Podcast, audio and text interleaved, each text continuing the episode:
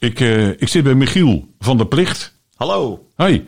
En ik heb jou van eh, Joost van der Graaf. Daar ben ik eh, een paar weken geleden geweest. Van de bassist van Pestilence. Hoe ken je hem eigenlijk? Ik heb Joost leren kennen via Do Scented, zijn vorige band. Daar was ik af en toe invaller voor Koen Herfst. Aha. En live deed je dat. Ja, ja, alleen live. Alleen live. eh, je hebt er rest niet echt onderdeel van de band geweest. Nee, nee, Koen, eh, Koen was eigenlijk de drummer. Ja. Ik kende de zanger die eh, eigenlijk de, de band opgericht heeft en al die jaren draaiende heeft gehouden. eh, die kende ik al jaren. En Koen ken ik vanuit het drumwereldje. En op den duur is Koen ehm, gaan spelen bij Armin van Buren. En, Dat is heel wat anders. ja, heel andere dingen, ja. Oh, Dus, is dat ook iets voor jou? Nou, ik hou me wel bezig met heel veel stijlen, maar eh, house en techno en zo, dat is niet mijn ding. Dat, dat gaat niet worden. Nee, dat wordt hem niet. Je wordt niet de nieuwe drummer van Chesto of iets dergelijks. Nee, nee, nee. Dat gaat niet gebeuren. Nee. Oké. Maar goed, eh, ja, Koen die ging dus eh, de wereld over met Armin. En hij benaderde mij of ik dan voor hem in wilde vallen bij Do Scented, zodra dat zich voordeed. Dus ik heb Oh. een aantal shows met hun gedaan wanneer Koen niet beschikbaar was. Oké. En zo ken ik Joost. En eh, eh, daar val je even in. Kost het jou heel veel tijd om dat te oefenen, zo'n, zo'n, om in te vallen? Want dat doe je wel vaker, toch? Invallen. Ja, dat doe ik heel veel. Ja, ja. Het, eh, het verschilt een beetje per eh, band hoe complex het is eh, en hoe leuk ik het vind. Want ehm, kijk, in principe kost het me niet heel veel tijd. Ik denk dat ik door mijn eh, ervaring eh, als docent ook en als drummer heel veel heb geleerd hoe ik snel informatie eh, eigen kan maken. Ja. Ehm, maar dat is natuurlijk een stuk lastiger als, als een band niet helemaal je ding is. En dat heb ik een poosje gedaan. Tegenwoordig heb ik besloten van nou, ik ga alleen nog maar bij bands invallen als ik het ook echt zelf leuk vind. Ja. Want ja, Dat helpt wel, ja. ja, zeker. Je, je moet je voorstellen als je een, een boek uit je hoofd moet leren. Hè, dan, eh, als, het, als het een boek is wat je leuk vindt, dan is dat een stuk makkelijker dan wanneer het Ja. iets is wat je geen bal interesseert. Nee, precies. Hè, dus eh, Ja. eh, in principe, voor de bands die ik leuk vind, wat ik dus tegenwoordig doe, Ja. nee, kost het me niet heel veel tijd. Het is, En ga je eigenlijk achter een drumkit zitten en je, je maakt je eigen ding? Of, of luister je naar hoe het, hoe het moet? De, de- nou, mijn, mijn, hoe ik het zie als sessiemuzikant, is het eigenlijk zo, kijk, eh, als een band een invaller nodig heeft, dat is natuurlijk nooit leuk voor die band. Dan- is er wat aan de hand. Of een drummer heeft een been gebroken, of er is iets anders waardoor diegene niet mee kan doen. En dat geeft eh, een instabiel beeld van zo'n band. En ehm, mijn taak is dat om, om dat op te vallen, eh, op te vatten, of in te vallen, Ja. hoe je het maar noemt. Ja. De, en ik probeer dan eigenlijk ervoor te zorgen dat het niet opvalt. Dus ik probeer het zo eh, vlekkeloos mogelijk één op één te kopiëren wat diegene doet. Ja, precies. Ja, dat, dat kan natuurlijk nooit 100%, want ik ben een ander persoon. Dus je- je- Ja. daardoor klink je ook wat anders. Maar En ik denk is ook dat een, de luisteraar in het publiek dat ook niet direct gaat horen. soms wel, soms niet. Het dus- vers- verschilt een beetje. Ook, Ja. ook hoe, hoe erg iemand erop let natuurlijk. En eh, Ja. soms zien ze het natuurlijk, want ja, ik... goed, je, ziet- je ziet er anders uit wellicht. Ja, ja, maar, precies. Maar, maar qua drummen kan ik me voorstellen dat je op een gegeven moment... Je bent druk met, met praten, luisteren, bier drinken. Bedoel, Ja. Dan ga je denk ik niet direct op letten van... Jezus, die, die, die slag is toch anders dan de vorige drummer? Nou, soms valt het mensen op dat eh, ik bijvoorbeeld eh, wat harder sla dan een ander. Of eh, net iets, een andere feel heb of iets dergelijks. Maar dan, heb je het Ja. over details. En dat zijn Ja. er vaak wel muzikanten ook die dat opvallen. En de, de gemiddelde fan Ja, vaak precies. niet. En heb jij, heb jij een soort van eigen handtekening dan? Met, Ja, met, eh, Ja, ja, dat zeggen mensen wel. eh. en eh, kan je, kan je die voor jezelf omschrijven? Ik vind dat heel lastig, want ik ben natuurlijk niet echt objectief over mijn eigen Nee, dat stijl. snap ik. Maar mensen, ik hoor van heel veel mensen dat ze direct horen wanneer ik iets in heb gespeeld of niet. Dus ja, het, Dus je, je- men herkent het dus wel. ja, zeker. Ja, ja. Nou ja, Ik zie dat als een compliment. je Zeker, tuurlijk, Dus, tuurlijk. Ja. En goed, ik, ik, de paar die mij er binnen schieten is Dave Lombardo ja, van Slayer. Vooral het album South of Heaven. ja. Vond ik hem eh, ja, opvallend, zeg maar, eh, hoe hij drumde.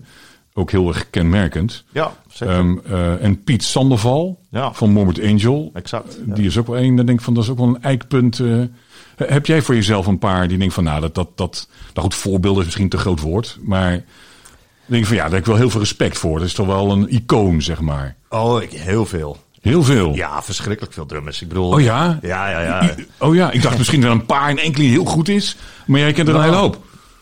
Ja, ehm, ik, ik, ben ook heel breed. Ik, ik ben natuurlijk uh, in, een, in een. Ik zit in metal bands, maar Ja. ik, ik, dat is niet het enige waar ik me bij bezig hou. Ik, eh, ik hou me eigenlijk met vrijwel alle stijlen muziek bezig, behalve dan eh gangster rap en, en En dat soort, eh, ja precies. Ja, dus ja. maar ik zit ook wel in de jazz en in de fusion en in de funk en noem het allemaal maar op. En ehm, kijk, als je het nou over voorbeelden hebt van mensen waar ik wat van kan leren, muzikaal gezien. Of we, misschien in het verleden toen ik opgroeide. ehm, nou, dat was Dave Lombardo was eh, in mijn jeugd daar zeker een van, absoluut. Dus, eh, maar tegenwoordig zijn het vaak meer mensen die in andere stijlen actief zijn. Zoals eh, Dave Weckel is een, is een bekende, maar dat is, dat is een jazzdrummer, een Latin drummer. Of Jojo Mayer, ehm, die zit in de jungle. Eh, In de jungle. ja, jungle, ja. ja. Wat is dat man? Dat is een soort opgefokte funk. Zoiets. Oké. Ja, ja.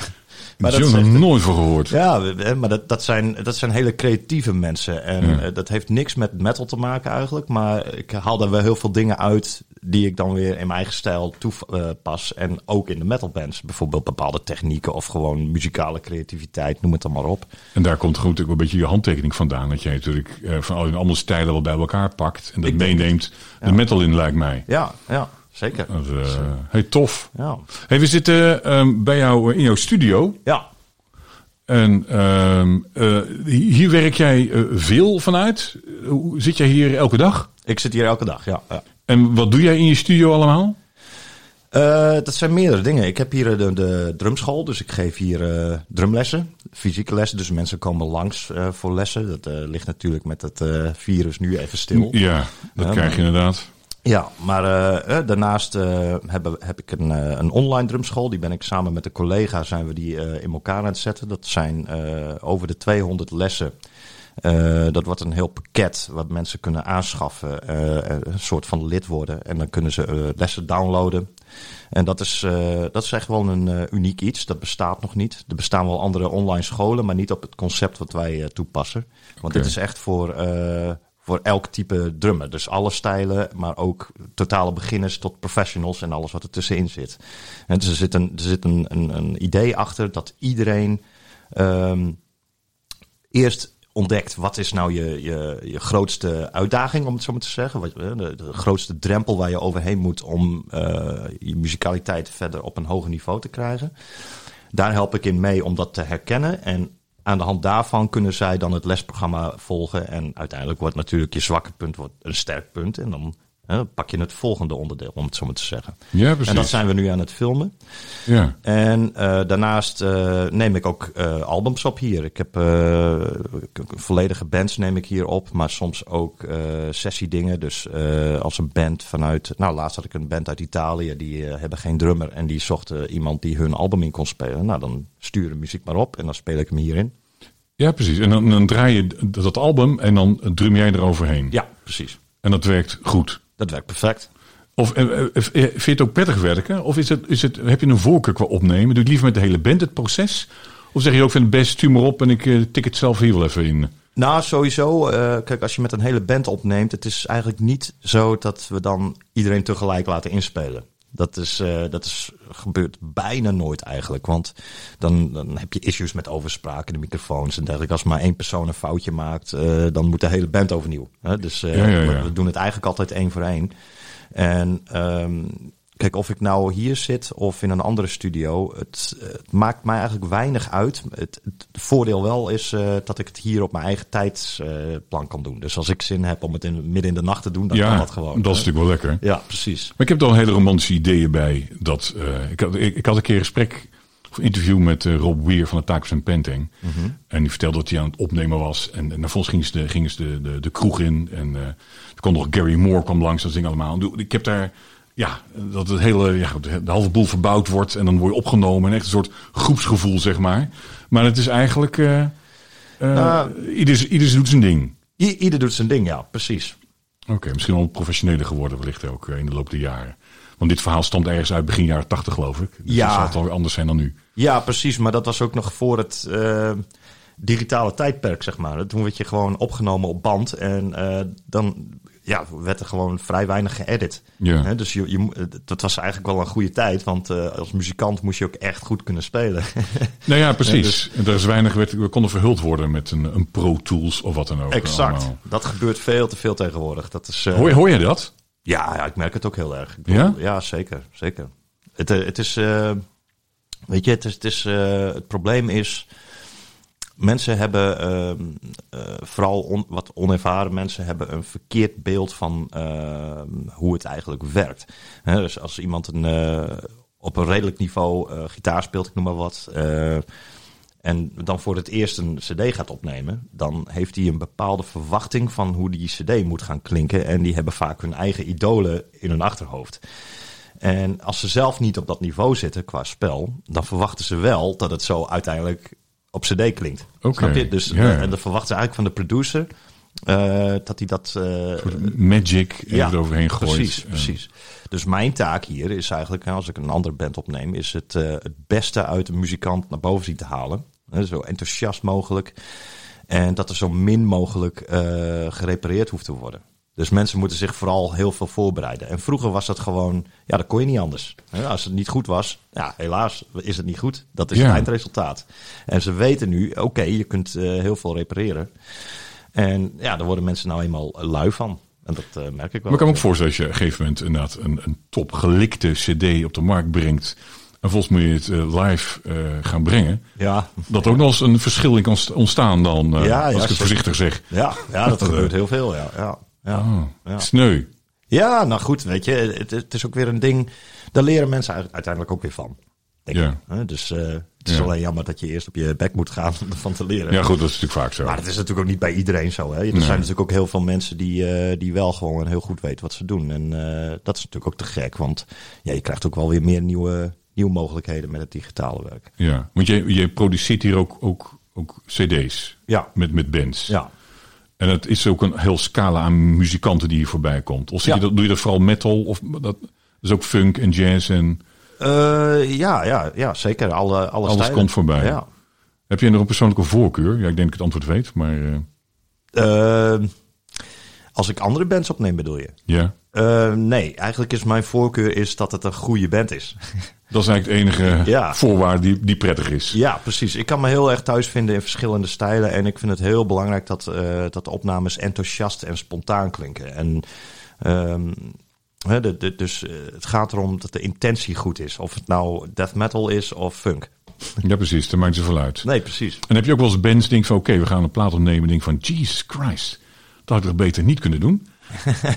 Komt dat wel eens voor? Of, of heb je dat daarvoor al in de gaten? Nou, sorry Ja, hoor, ik, maar ik, ik zie dat van tevoren wel, ja. Ik wil- hier kan ik niet iets moois van maken. Nee, precies. Nee, het, het, het is, eh, kijk, als een band mij daarvoor benadert, dan eh, wil ik altijd eerst even.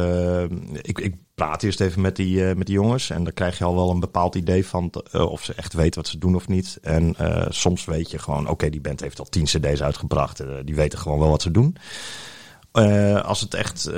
Ja, als het voor het eerst is, dan wil ik graag een demo horen. Eh, het maakt mij niet uit hoe slecht de geluidskwaliteit is, maar daar pik ik al wel uit op van, eh, oké, die jongens die kunnen wel echt spelen, of eh, hier en daar moeten ze wat op letten. En dan geef ik ze wat tips en ideeën waarop ze kunnen repeteren ja, voordat ze langskomen. En dan komt het altijd wel goed. dat komt meestal wel goed. Ja, ook als je denkt van, Jesus. Ja, het komt altijd goed. Het komt altijd goed. Ja, dat- dat wel, Ja, ja, zeker.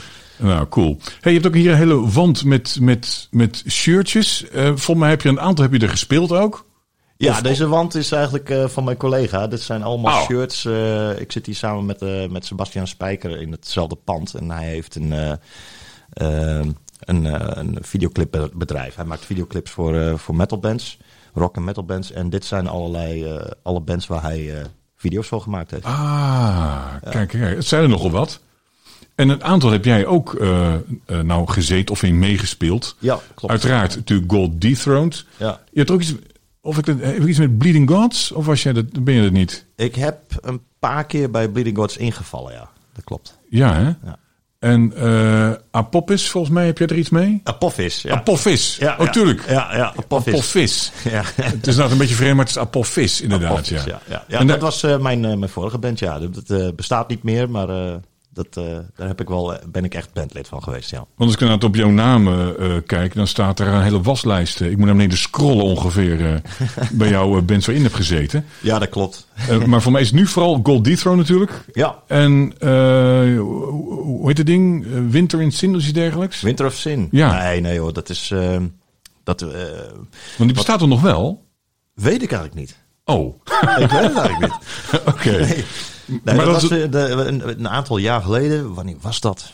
2011 of zo, denk ik. Nee, nee, nee, later. Het was later, want uh, ik denk 2013 of zoiets. En uh, die jongens, dat zijn vrienden van mij. En uh, ja, die band die bestaat al jaren, maar ze hadden wat issues met bandleden, begreep ik. En ze vroegen aan mij of ik of ik mee wilde helpen om een album te schrijven. En zo kwam Henry van Goddy Throne ook in beeld. Want ze zochten ook iemand om het in te zingen en, uh, en een tweede man op gitaar. En toen hebben wij eigenlijk uh, meegeholpen om dat album te maken. En daar, dat hebben we dus gedaan. En daar hebben we één show mee gedaan op Summer Breeze dat jaar. En Kijk, dat was het. En dat was hem. Dat was het. En daarna nooit meer wat vernomen. Nee, we zijn nog steeds vrienden hoor met die jongens. Maar ja, ja. Uh, ja die band. Maar er gebeurt niet heel veel kennelijk. Nee, nee, nee. Dat, maar ik, ben ook, ik heb er zelf nooit gezien als een bandlid daarvan of zo. Dat is meer gewoon een, uh, een samenwerking. Ja, voor precies. Dat, voor dat album. Precies. Ja. Er zijn nog, nog meer bands waar jij in, in, in participeert, behalve dan de Gold Dethroned. Ja, al die sessiedingen natuurlijk. Uh, ik heb ook heel veel uh, ja, bands waar ik vroeger in zat, waar ik uiteindelijk mee gestopt ben. Uh, om wat voor reden dan ook. Maar er zijn, ik heb in heel veel bands gezeten, ja. ja dat klopt. Ja, een hele lijst, ja. ja. Is er nog eentje die je specifiek bijblijft? Of bij is gebleven? Of is dat moeilijk aan te geven? Um, nou, allemaal wel. Ik heb wel heel veel goede herinneringen aan alle bands eigenlijk. Het... Uh, ik ben ook wel vrij laat, uh, leeftijdsgezien, zeg maar, in bands actief uh, geworden. Dus het ging eigenlijk heel snel allemaal voor mij. Maar dat, ja, het zijn er wel uh, aardig wat geweest. Ik ben ook geen twintig meer. Nee, precies. precies. Nee, ik ben ook wel, laten we eens naar het, het begin gaan. Ja. Um, ik begreep dat jij niet in Nederland bent geboren. Nee, klopt. Klopt. En dat is in Amerika? Ik ben in Amerika geboren, ja. ja. Oké, okay. en je ouders waren wel Nederlands? Ja, maar ik heb Nederland, ik, mijn hele familie is Nederlands. Maar mijn vader is, uh, is hoogleraar uh, natuurkunde. En die uh, ja, moest veel reizen voor zijn werk. En die had een baan in, in Amerika. En nou, daar woonden ze toen op dat moment. En daar ben ik ontstaan. Oké. Okay. En nou ja, toen ik een jaar of vijf, zes was, toen zijn, ze, zijn we met z'n allen terug naar Nederland gegaan. ik, zat, ik was al bezig met drummen. Oh, echt? Ja? ja, ja was je toen al bezig? Ja, ja. Wat voor leeftijd ben je begonnen dan, joh? Uh, toen ik een jaar of drie, vier was of zoiets, kreeg ik een, uh, een akoestisch gitaartje voor mijn verjaardag. En, uh, wel een echte, maar een kindermodel, zeg maar. En er zat een koffer omheen. En ik heb de gitaar in de hoek gegooid en ik begon op die koffer te tikken met stokjes. Echt, ja? Ja, ja? Zo begon het? Zo begon het, ja. En dat heb ik jarenlang gedaan eigenlijk als kind. Tot ik, ik geloof op mijn achtste, kreeg ik mijn eerste drumlessen. Toen hadden mijn ouders zoiets van, nou, dit, uh, dit kunnen we niet ontkennen. Dus dit is een blijvertje. ja, precies. En hebben je ouders ook iets met, met muziek? Zijn die muzikaal? Of? Ja, mijn uh, uh, moeder was pianolerares. Oké. Okay. Dus ik ben wel echt opgegroeid in een muzikaal gezin, ja. Ja, precies. Dat je de muziekinstrumenten ging bespelen was eigenlijk logisch. Ja, ik, ik, ik denk het. Ik heb zelf geen kinderen, dus ik weet niet precies hoe dat gaat. Nee, maar nee klopt. Ja, ik, ik wel. En die doet niet veel aan muziek inderdaad. Oké, okay, ja. Maar dat komt een beetje omdat ik, ik moest een instrument bespelen. Oké. Okay, Dan ben ja. ik de derde in het gezin. Uh, mijn broer en zus moesten op blokfluit. En aan mij werd nog gevraagd, Ernst, joh, welk instrument wil je? Ja. Dus ik koos gitaar. Helaas, het was wel akoestisch. En ik kwam terecht bij een van de Spaanse dame. En ik moest dus ja, van die flamingo-achtige... Nou, het, te gek. Het, het, werd geen succes. ja, je moet het wel leuk vinden. Dat is, uh, ja, en, dat, en ik had dan op maandag, als ik me goed herinner, maandagmiddag had ik dan, dan les. En dan kwam ik uit school. Ja. En dan snel nog even dat ene uurtje voor. Snel nog even oefenen, het enige uurtje van de hele week.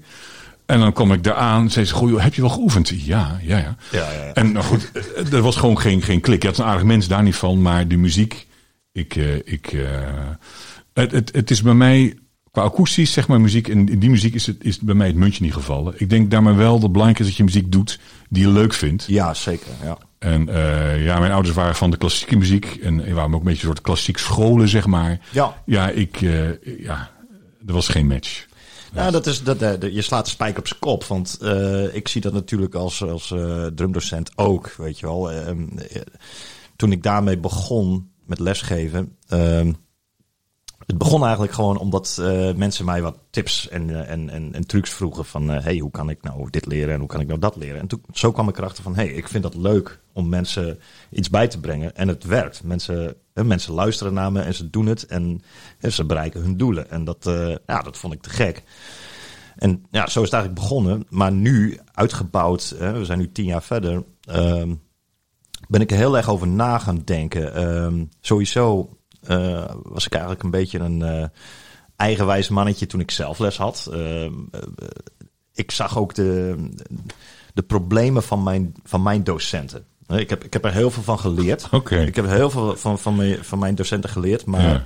zij hadden allemaal iets van: het moet op die, die manier en niet anders. En ja, het was Vrij beperkt. star. Ja, het was beperkt. En ik miste ook heel erg. ehm Kijk, je moet je voorstellen, je komt dan op les en dat heb je misschien zelf ook al meegemaakt. Dan krijg je een papiertje voor je neus van je leraar en die zegt, je moet dit doen. Nou, Ja. Maar waarom dan? Ja. ik, ik vind het heel erg belangrijk dat een, een leerling weet waarom die bepaalde dingen zou moeten doen.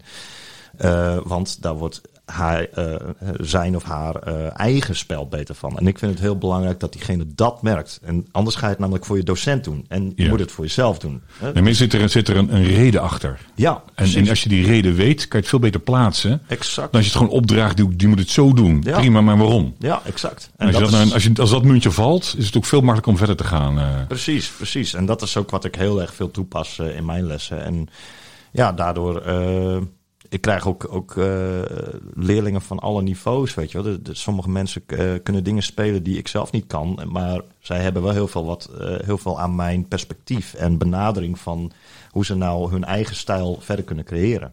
ja, precies. Dus Ja, ik weet nog wel, met mijn gitaar, ik, ik moest mijn duim op de hals houden. Die mocht vooral niet er overheen. ja. En eh, ja, waarom? Nou goed, je kan je voorstellen dat je misschien als je er overheen gaat, de, je, je de bovenste snaar aanraakt met je duim. Ja. Maar er stond weer de doodstraf op. Dat mocht absoluut niet. Er moest ook een pleister kwam op de hals waar mijn duim dan moest zitten. Nou ja, en, dan zie je op tv al die mensen een dik duim eroverheen. En Ja, precies. de- En de, de meest geweldige gitaristen hadden dat, hè? Exact. En ik denk, jezus, waarom moet ik nou niet met die pleister aan de, aan de slag? Exact. Dat ja, dat, eh, is lastig te volgen, inderdaad. Ja, ja. Waarschijnlijk is dat omdat diegene dat ook zo geleerd is. Weet je wel? Dus, ja. Ja. Maar goed, als je, als je mij nou dat nou vertelt, waarom jij nou vindt waarom dat op die manier je zelf moet aanleren, prima. exact. Maar dat stukje ontbrak inderdaad. Dus ik met zo'n suffe pleister op mijn hals waar Ja. ik eh, mijn duim op moet hebben. Ik zie dat ook heel veel eh, in, in drumland. Dus er zijn heel veel dingen waar ik van denk van nou, weet je wel, bijvoorbeeld al, die, al die metal drummers die hebben het over BPM's en nou, weet je wel, of, of techniek. Hoe, hoe snel je kan drummen, zeg maar. De, ja, weet je wel, maar, maar kijk, het, het is natuurlijk goed, eh, in, vooral als metal drummer, dat je snel bent. En eh, als dat van je verwacht wordt. En eh, het is ook goed om te weten wat de tempo's zijn als je een album gaat opnemen of dat soort dingen. Maar het, lijkt wel alsof er een soort verwachting aan zit. Van je moet minimaal 250 bpm en anders is het is het niet goed of zo. Weet je wel? Maar heb je ooit een, iemand in het publiek zien staan met een metronoom die zei van nou, ik vind dit gaaf of niet, Ja. want het is dat tempo. Ja, sorry, het is, het is te langzaam. hè? Precies. Plus, plus dan komen er subdivisies bij kijken. En Ja. dan weten ze vaak niet eens wat het is. Nee. En dan weet je eigenlijk ook niet eens wat BPM inhoudt. Nee. Hè? Dus mensen, mensen roepen maar wat. En dat geldt hetzelfde voor techniek. Hè? Om, om op jouw eh, duimverhaal terug te komen. Mensen hebben het echt alleen maar over techniek, lijkt het wel. En ik denk van ja,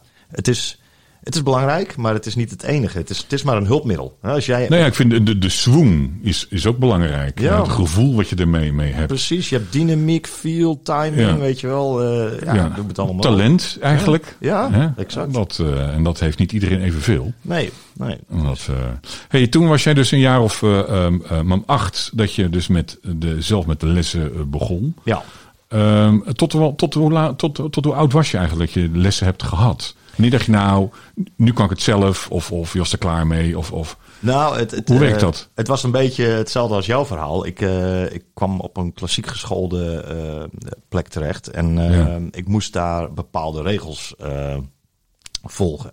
Één ding wat, wat heel goed was, was het eerste jaar ehm, mocht ik alleen maar spelen op mijn oefenpetje. Rudiments leren, dat soort dingen, dat, zijn, dat is de basis. klinkt heel saai. Ja, dat vinden mensen ook vaak. Maar dat Vond jij dat niet Ehm, toen? Jawel, maar dat, dat, heeft, dat is dus een van die dingen. Want dat, eh, ik vond het saai omdat ik niet wist waar het goed voor was. Ik deed het wel. Ik was wel, eh, ondanks dat ik mijn eigen weg een beetje volgde, was ik ook wel iemand die het gewoon wel echt deed.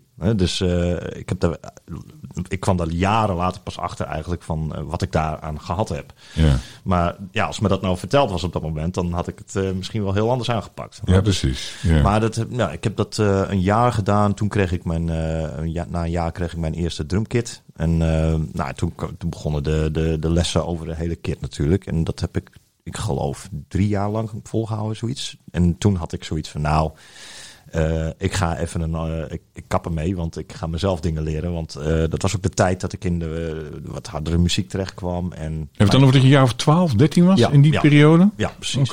Hè, mijn, mijn docent die, die had bepaalde regels. Bijvoorbeeld met jouw duim. Ik moest alles heel down spelen. En ik, kreeg, ik kreeg dingen op les waarvan ik dacht van ja, maar dit is niet waar ik naar luister. En dit is niet waar ik heen wil als drummer. Dus ik ben ermee gestopt. En toen ben ik eigenlijk eh, ja, zelf dingen gaan ontdekken. Hè. Kijken naar... Maar jij vond het drummen nog wel leuk op dat moment? ja, ja, ik ben nooit gestopt met drummen. Nee. Ja, ik vond, het- ik vond het gitaar zo ruk. Ja. Dat ik eh, ook een soort eh, allergie voor het ding kreeg. Oké, ja. En hij belandde in de hoek vervolgens toen het de lessen stopte. En ik heb hem eigenlijk ook nooit meer aangeraakt. Nee, precies. Ja. Nou, ik, ik was wel anders in dat. eh, ik had zoiets van, nou, ik wil uiteindelijk alles kunnen wat je op zo'n ding kan. En ik ga dat punt bereiken, hoe dan ook. Weet je wat? Zo, zo'n instelling heb ik altijd gehad. Ja, ja. Alleen ja, ik kon dat niet bij mijn docent vinden op dat moment. En nou, toen ben ik zelf maar. Toen had je nog MTV, eh, Headbangers Ball en zo, weet je wel. En eh, Ja. toen, waren, toen was er nog echt muziek op tv. En, eh, Ja. weet je wel. Dus ik keek daarnaar en ik was natuurlijk te jong om naar, naar concerten te gaan. En nou, ja, ik ging gewoon van met, met cd's meespelen en kijken hoe andere drummers het doen. En En had je dan een drumstel op je kamer staan met Ja. de tv aan de muur? Of, nee, nee, dat niet. Nee, ik had, ik had een, een drumstel. Ik had een apart kamertje thuis bij mijn ouders. En daar stond, dat was hadden ze dan professorisch geïsoleerd, zeg maar. Ja. En daar mocht ik dan een, eh, een half uur per dag mocht ik, eh, mocht ik lawaai maken. Want ja, de hele buurt hoorde het. Nee, nou ja, ja wij- ik ik had een overbuurjongen die, op, Ja. die drumde. En hij deed liefst op zolder zijn raam open. Ja, het galmde de hele wijk door. Ja, Dat, eh, precies, ja. ja dus dat- dat had hoor je maar- wel, ja. Ja, dus ik, ik had maar een half uurtje per dag. Maar wat ik dan de rest van de dag deed, was nou, heel veel erover nadenken ook. Maar ook veel muziek luisteren. En ja, airdrummen deed ik ook nog wel. Dat ja, dat hoort er een beetje bij. Ja, eh. zeker. Hè? Dus, eh, maar goed, dat heb ik eh, tot mijn achttiende zoiets gedaan. En toen liep ik tegen een soort muur aan. Ik wist, ik wist dat er nog heel veel dingen waren wat, wat, ik, wat ik nog niet beheerste. En heb je tot je achttiende ook zeg maar bij jezelf gehouden? Je Ja. drumde in je eentje Ja. en, en Nou, drumde met wel- dingen mee. En, Ik ben wel ehm, op mijn zeventiende ben ik iemand op school tegengekomen en eh, die, eh, die beweerde dat hij in een band zat. En ik had nog nooit van de lokale scene gehoord.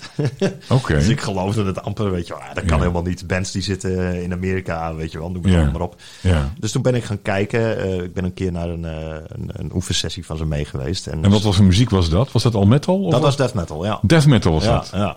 Oké. ja, ik zat toen ook al helemaal in de Napalm Death en de Sepultura en de Slayer en zo. Ja, ja, precies. Dus daar schrok je niet van. Nee, zeker niet. Maar ik had wel zoiets van, hey, dit bestaat dus. En, eh, En ook in Nederland, bij om de ja, hoek. ja, precies. Dus toen ben ik eigenlijk... Had die Ja. met een naam? Weet je dat nog? Ja, dat was Dark Mythology. Dark Mythology. Die, die ken ik niet. Ja, dat, dat is ook zo lang geleden, joh.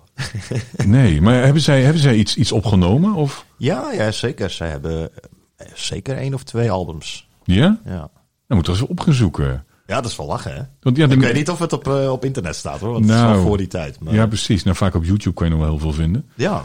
Maar, eh, oh, dan ga ik eens even kijken. ja, maar goed, dat was dus alleen maar de band. Daar heb ik nooit aan meegedaan. Dat was Nee. alleen maar de, band, de eerste band waarmee ik in aanraking kwam van, van de lokale scene, zeg maar. En dan ging je dan mee met, naar de oefenruimte? Met je Ja. de, de, en dan ging je even kijken hoe, hoe zij dat hoe zij speelden. Ja, exact. En je hing er een beetje rond dan. Ja, ik ging gewoon kijken wat er gebeurde. En uh, ik dacht van nou, uh, dit kan ik ook, weet je wel. Ja, precies. Laat mij eens. Doe die drummer weg en nee, dat, zelf... Dat, dat, dat, niet hoor, nee. Oh. Maar ik had wel zoiets van...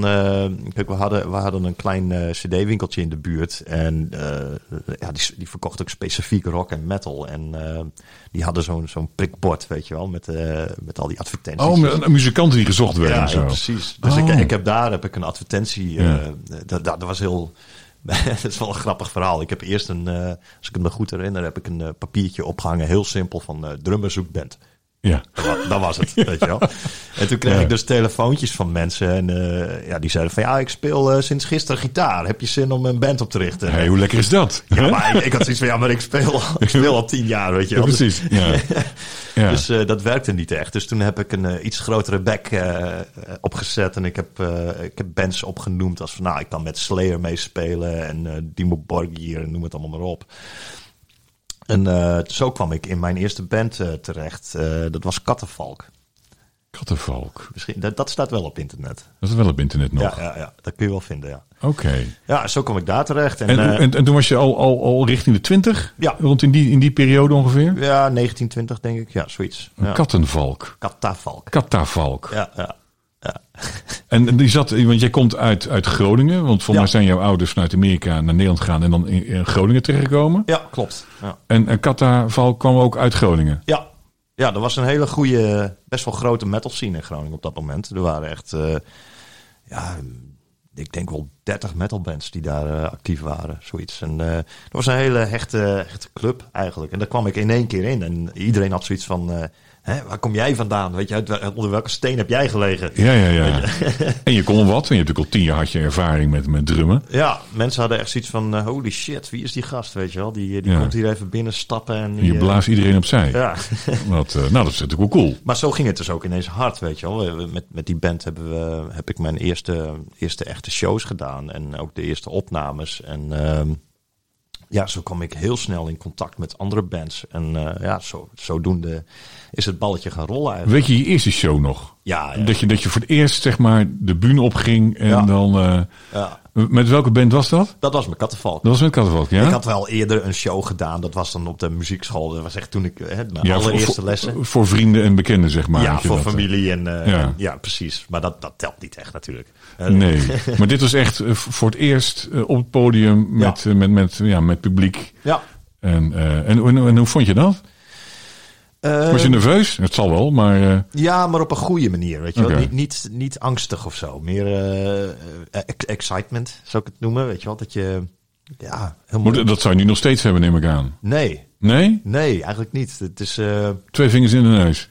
Nou, ik, ik heb er zin in. Dat is het gevoel wat ik heb vaak live. Weet je wel, voor, voor een show. En, uh, ja, we gaan ervoor. Ik, uh, ja. Dan zit ik mezelf echt op te pompen van uh, we gaan even... even... En, en, met elkaar in gel, of niet? Nee, dat, dat niet. Nee, nee, nee. ik doe dat echt op mijn eigen manier, ja, weet je wel. Het is, ik, ik ben ook vaak aan het warm spelen en dergelijke. En het is een mindset die ik echt probeer los te krijgen en, van mezelf. Zo, iedereen dat een beetje op zijn eigen manier. Zit iedereen een beetje in zijn eigen kokon, zo vlak voor zijn optreden? Ja, wel een beetje. Ja, de, de, een, de een wel, de ander niet. Het is... Uh, kijk, ik, ik probeer eigenlijk altijd het beste uit mij uh, naar boven te halen. Welke show dan ook. Of nou één bezoeker staat of 10.000. Want het gaat, ook, het gaat ook dat ik zelf er plezier aan heb. Ja.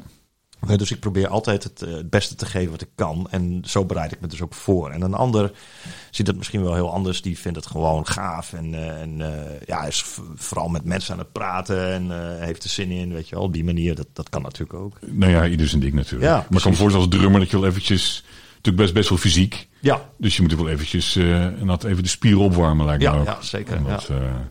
Hey, dus um, dat was je eerste band. Ja. Oh, laten we, laten we, we gaan, we gaan eens een, een muziekje draaien. Laten we daar trouwens even mee beginnen. Want anders dat heb ik ook met de vorige uh, podcast-series. Ja, dat is goed. Ben zo aan het, aan het lullen dat we eigenlijk... We komen ook deels voor de muziek. Zeker. Dat, uh, dus ik was eigenlijk nieuwsgierig. Um, nu tik ik mijn wachtwoord. Ja, het is zo klote. Het ding gaat altijd dan weer op de... Op de hè, dat ding?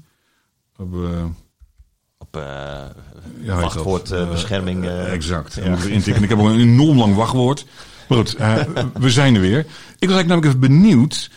Als ik nou kijk naar jou, jouw jeugd. Um, ik neem, speelde metal, een, kijk nu heb je meerdere genres die je dus um, in speelt. Mhm. Misschien ook wel beluisterd. Misschien is metal een onderdeel. Um, als jeugd was je echt, echt een, een, een metalhead, echt een metalkind? Of, of, of... Nou, weet je, het is... Uh... Kijk, te, voor mijn tiende ongeveer uh, was ik vooral bezig met uh, meespelen met wat er op dat moment op, op MTV gedraaid werd. En dat kan van alles zijn, weet je wel. Dat, is, dat was niet alleen Headbangers Ball. Nee, nee, nee, daar was ik nog te jong voor, want dat werd altijd om 11 uur s'avonds uitgezonden. Oh ja, ja, precies. Ja, dus dat, ja. Nee, dat was echt dat gewoon... had je nog nooit eens, nee, eens gezien. Nee, precies, okay. precies. Dus ik was me vooral daarmee bezig. Maar ik wist wel van nou, ik heb nog niet helemaal mijn plek gevonden. En ik geloof dat ik tien of elf was of zo. Dat een, een vriendje een keer langskwam en die had dan uh, had die, die had Guns N' Roses. En ik, ik weet nog het eerste. Het, mijn eerste reactie was: uh, Tering, dit is heel vet, maar die zanger, man, weet je wel. Ja, precies, ja. maar ja. dat was even wennen. En daarna ben ik uh, helemaal lijp geworden van die band. Ja, dat was. Dat... Nou, ik zag laatst op YouTube een filmpje voorbij komen. en het waren een paar jochies uit Australië die uh, in, in, een, in een winkelstraat uh, uh, Guns N' Roses speelt. Nou, het was geen winkelstraat helemaal. Op de achtergrond was een van de meer. Mm. Maar goed, op een of andere boulevard stonden ze. En ook de drummer had vier nou, omgekeerde prullenbakken. waar hij dan zo'n beetje een, een stokje omhoog te vangen. Ja, en speelde hij. Ah, het zag er echt super cool uit. Ja, te gek. Dat, is ook, dat was Sweet of Child of Mine, geloof Oh, ja, ik, ja, ja. Van, van Guns N' Roses.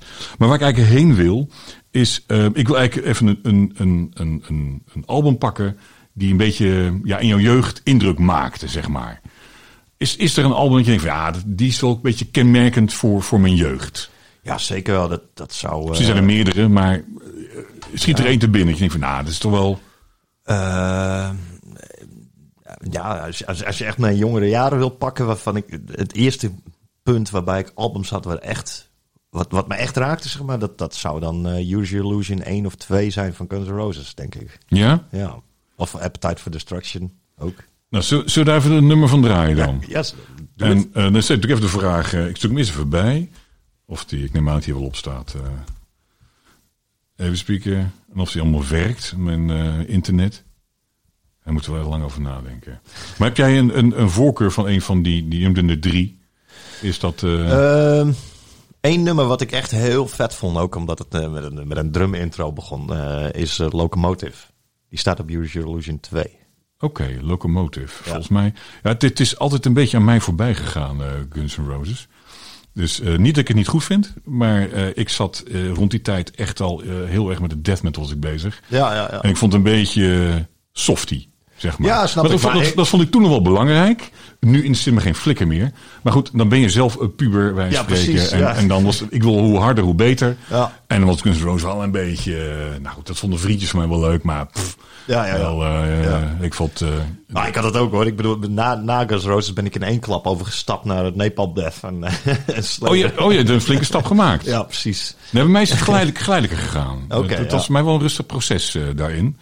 En uh, ik moest erg wennen. Voor mij was dan de heikelblok was dan Slayer. Ja, ja, precies. Van echt verschrikkelijk vinden tot echt uh, idolaten van ze zijn. ik heb alle kanten meegemaakt uh, met Slayer. Even kijken, Use Your Illusion, welke stond die nou, zei je? Twee. Op twee. En dan Locomotive. Blauwe. De nummer De negen. blauw, ja. Ja, ik weet het allemaal nog. ja, je hebt het... Uh, welke, nummer, ja, nummer negen. Verdomd. Je weet hem. Goed, hè? Ga eens even kijken. Gaat hij doen? Ik ben nieuwsgierig. Hij is gaan even luisteren.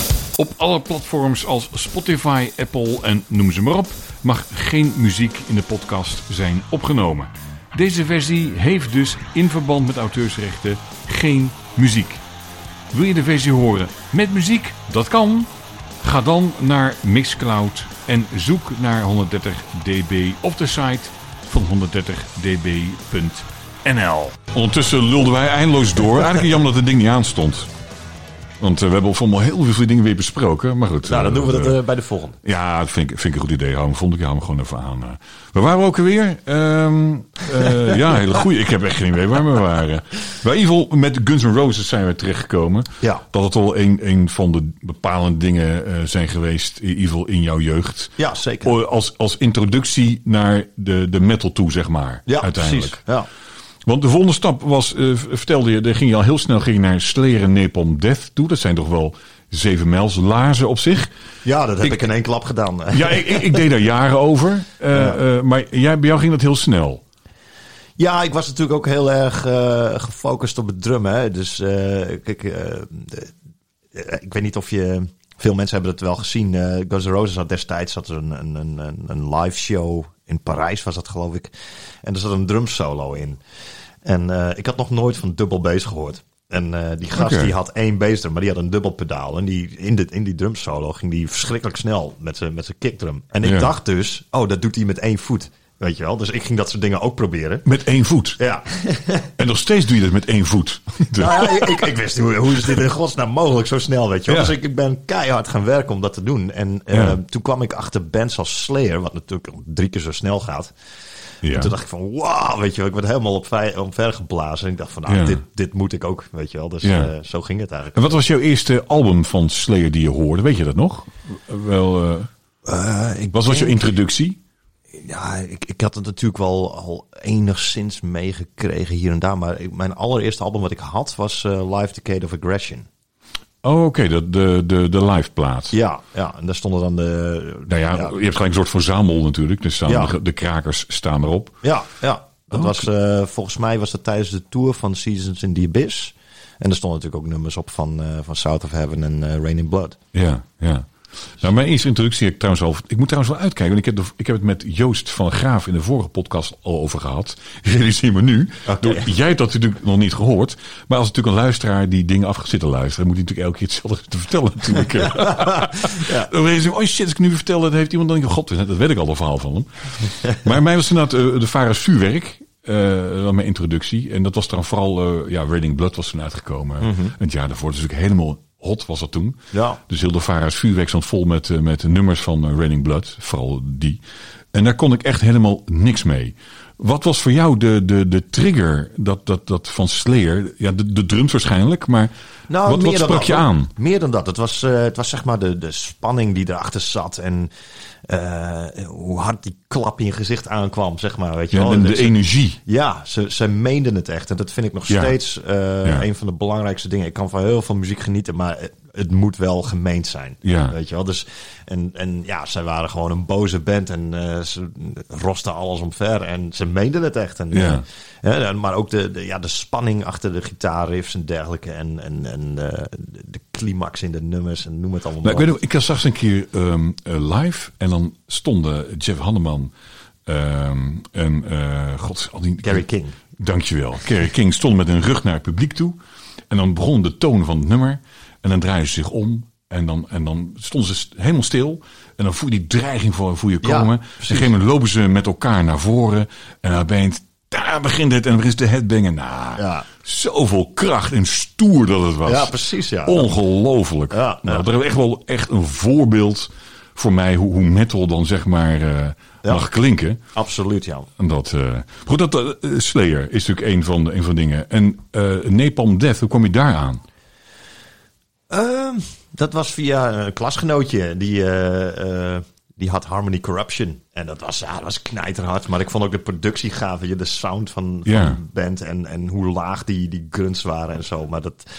Ja, het was vooral eigenlijk dat ene album wat ik heel gaaf vond. En, Nou ja, grappig, want ik, ik, ik, kwam, ik kwam, ik viel in met, met Scum. Uh, dat Oh was ja, mijn eerste ja. aanraking. En toen had ik al twijfel. Ik, ik vond de strot vond ik heel tof. Ja. En die snelheid, bizar. En je had nummers van een seconde. Dan vond ik wel lachen. ja. Dat, uh, dus je drie nummers van uh, Napalm Death draaide. Kon je in vijf seconden kon je klaar zijn. Ja. Nou dat goed, dat vond ik, dat vond ik geinig en grappig. Maar echt, je denkt van nou, dit is briljante muziek. Dat, um, niet direct, maar die jij noemt, Utopia's Banish, is voor mij hun eerste, zeg maar, wat je... Harmony Corruption, ja. Oh, Harmony Corruption. Ja, ja. Oh ja, Utopia Banish, is, die is toch daarvoor? Ik weet het niet Volgens eens meer. mij wel, ja. Maar ik weet vond, niet. dat, zeg maar, dat was hun, hun, eerste zeg maar, death metal album. op een gegeven moment ging ook Nippon Death ging meer de death metal kant op. Ja. En dat album, die bedoel ik in ieder geval, dat was de, het eerste album dat ik echt denk van, ja, dit vind ik nu echt tof. Ja. Daarvoor vond ik, vond ik ze meer grappig en Ja. nu vind ik ze echt gewoon heel tof. Ja. Dat, eh, Er zat ook een soort bepaalde groove in, weet je wel. En, eh, ja, ja, ja. dat was al te gek, ja. Ik weet, er was al een keer een documentaire op de VPRO met die drummer Mitch Harris.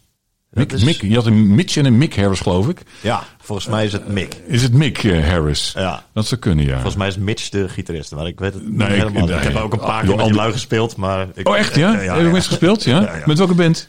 Wel, ik- niet niet eh, ja, samen het podium gedeeld, laat ik het zo zeggen. Oh, oké. Eh, met meerdere. Ik eh, geloof Prostitute Disfigurement, eh, toen ik daar nog in zat. En met God Dethroned een aantal keer. En Oké. ja, ik, ik weet het niet precies met welke mensen. Maar, die- maar die hebben ook, ook een historie. ja joh, die zijn nog steeds actief.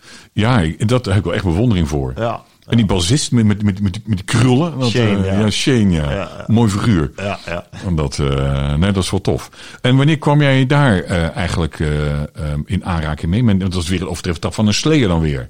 Nou, dat was, dat was een beetje dezelfde periode dat ik met Slayer in aanraking kwam. En dat was ook in diezelfde tijd dat ik met Sepultura in aanraking kwam. Ja. eigenlijk de, zeg maar dezelfde, die drie bands kwamen een beetje tegelijk. En welk album was dat voor jou bij Sepultura?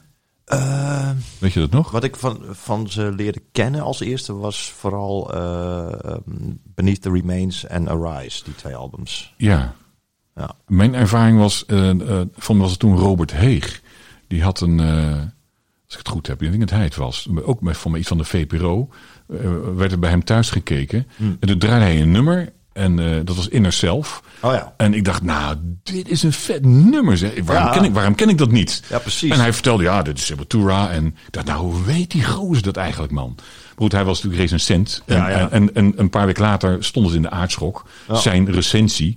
Dus hij had waarschijnlijk het album gekregen. En dacht, god, wat is het tof, man. Ja. Maar ik vond nou Beneath the Remains en The Rise, die, die hebben mij vooral eh, bekoren. Ja. Daarvoor heb ik eigenlijk nooit goed geluisterd. En daarna met, met Chaos AD raakte ik ze kwijt. En dan eh, ging de kant op die, die mij minder bekoorde, zeg maar. Nou, ik, heb, ik, heb dat, ik moest er wel aan wennen toen Chaos die uitkwam. Maar ik, eh, ik, vond het wel, ik vond het wel wat hebben. Want het was eh, minder... zeg je dat? Minder Slayer-achtig qua gitaarwerk. Het was wat, minder, wat simpeler allemaal. Maar wel, wel harder of zo. Ze, ze, ze, ze gaven echt... Het was echt een boze band op dat Ja. moment. En dat, eh, ja, dat vond ik wel wat hebben. Ja, precies. Zeker weten. En daar ben ik toen ook wel echt... eh, ja, daar heb ik veel van eh, gevolgd. Zeker van die periodes. Van die Ja. band. Ja. Hey, en is daar, is daar een, een album ehm, in die periode dat je dus wat harder gaat, dat wel belangrijk voor je is geweest? Dat je denkt van, nou, dat vind ik toch wel, misschien ook als, als drummer, dat je, dat je, Ehm, nou ja, Inner Self sowieso. Hè, dat nummer Inner Self, dat was, eh, was ook in die tijd eh, vaak op, eh op Headbangers Ball te zien. Dus eh, dat, dat eh, staat me zeker goed bij, ja. ik, Ik zou eh, zeggen, gooi die er maar in. Zullen we die maar eens even erin gooien, als ik hem zo snel eh, kan vinden. Sepultura, oh, Tuta, nee, Toura. Lastig tikken. En Inner Self hebben we dan, hè? Ja, je hebt geen, eh, althans we zijn hier natuurlijk hier, je hebt geen LP's. Normaal gesproken kom ik hier met een koffertje en dan gaan we LP's draaien. Ah, ik heb er maar één. Dat, oh, je hebt, je hebt er wel één hier? Ik heb er één. Serieus? God Dethroned. Hoe kan het nou? Ja, maar ik kan hem niet afspelen. Nee, dat, dat, is, dat is wel jammer. Maar heb jij wel LP's trouwens? Of? Ja, alleen van eigen bands. Het is gewoon eh, voor de verzameling, weet je. Omdat ik erop sta natuurlijk. Maar ik Ja. heb geen eh, platenspeler, nee. Nee, goed, ja, je bent niet, je bent niet de enige op zich. En Dat, eh, Maar laten we eens eventjes eh, in de zelf eh, gaan draaien. Kijken of die... eh, Op alle platforms als Spotify, Apple en noem ze maar op... mag geen muziek in de podcast zijn opgenomen. Deze versie heeft dus in verband met auteursrechten geen muziek. Wil je de versie horen met muziek? Dat kan. Ga dan naar Mixcloud en zoek naar 130 dB op de site van 130db.nl. Als je dit trouwens zo hoort, hè? We gaan nu gewoon even inbreken. Ja, dat is prima, natuurlijk. Dat eh, gaan we gewoon even doen. Als je die drum hoort, denk jij... Hey, dat zou ik anders hebben gedaan? Is het nog vetter? Of zeg je van, nee, ja, nee, die gozer heeft alles eruit gehaald wat erin eh, zit. Nou, ik, ik, ik Hoor je dat überhaupt? Ik luister sowieso niet zozeer naar dat, of ik dat anders zou doen of niet. Weet je, het is meer. eh, ik probeer het. eh, Ik heb dan herinneringen van, hey, eh, dat ik het echt, echt probeerde echt na te spelen. Dat, dat lukt ook wel aardig. Maar wat, ik, wat me nu wel opvalt, is dat ik bijvoorbeeld kleine dingetjes hoor. Maar dat is meer vanuit het producenten-oogpunt, zeg maar. Dat ik denk van, oh, hey, er gebeurt wat, weet je wel. Oh ja? ja. Maar dat, eh, dat, dat maakt het ook eh, eigen, weet je wel. Dat hoort bij die band en dat hoort bij die tijd. En, eh, Want die kwam toch uit de Morris Sound Studios, deze of niet? Oh, dat weet ik eigenlijk niet eens. Dat, dat dacht idee. ik. Dat, het- nou is ook zo'n zo'n hit. Iedereen wil in Tampa, Florida opnemen. Ja, dat bij de. Morris Sound ja. Studios. Ja. En ehm, Zou goed kunnen hoor. dat dat helemaal een ding was. Hoor, hoor jij dat ook, dat het, dat het een goede... Want voor mij was het toen wel, wel lastig in, in die tijd. Van hoe kan je nou zo'n bak herrie nou goed coördinerend eh, ja, op een plaat krijgen? Ja, precies. Maar Dat dat, was, een, dat was een ding. Exact. En eh, volgens mij, nou goed, voor mij kan bijna iedereen het nu en is het niet zo'n ding meer. Waar het dan ligt, dat weet ik niet. Weet jij dat? Waarom, Nou. waarom toen eh, men dat moeilijk vond en, en misschien vindt men het nog steeds moeilijk hoor. Maar Mens, mensen vinden het nog steeds moeilijk. Alleen mensen denken, denken er te makkelijk over, denk ik. Je kunt nu gewoon een programma downloaden, een interface kopen en jezelf opnemen. Dat is, en, maar dat wil niet zeggen dat je het ook kan.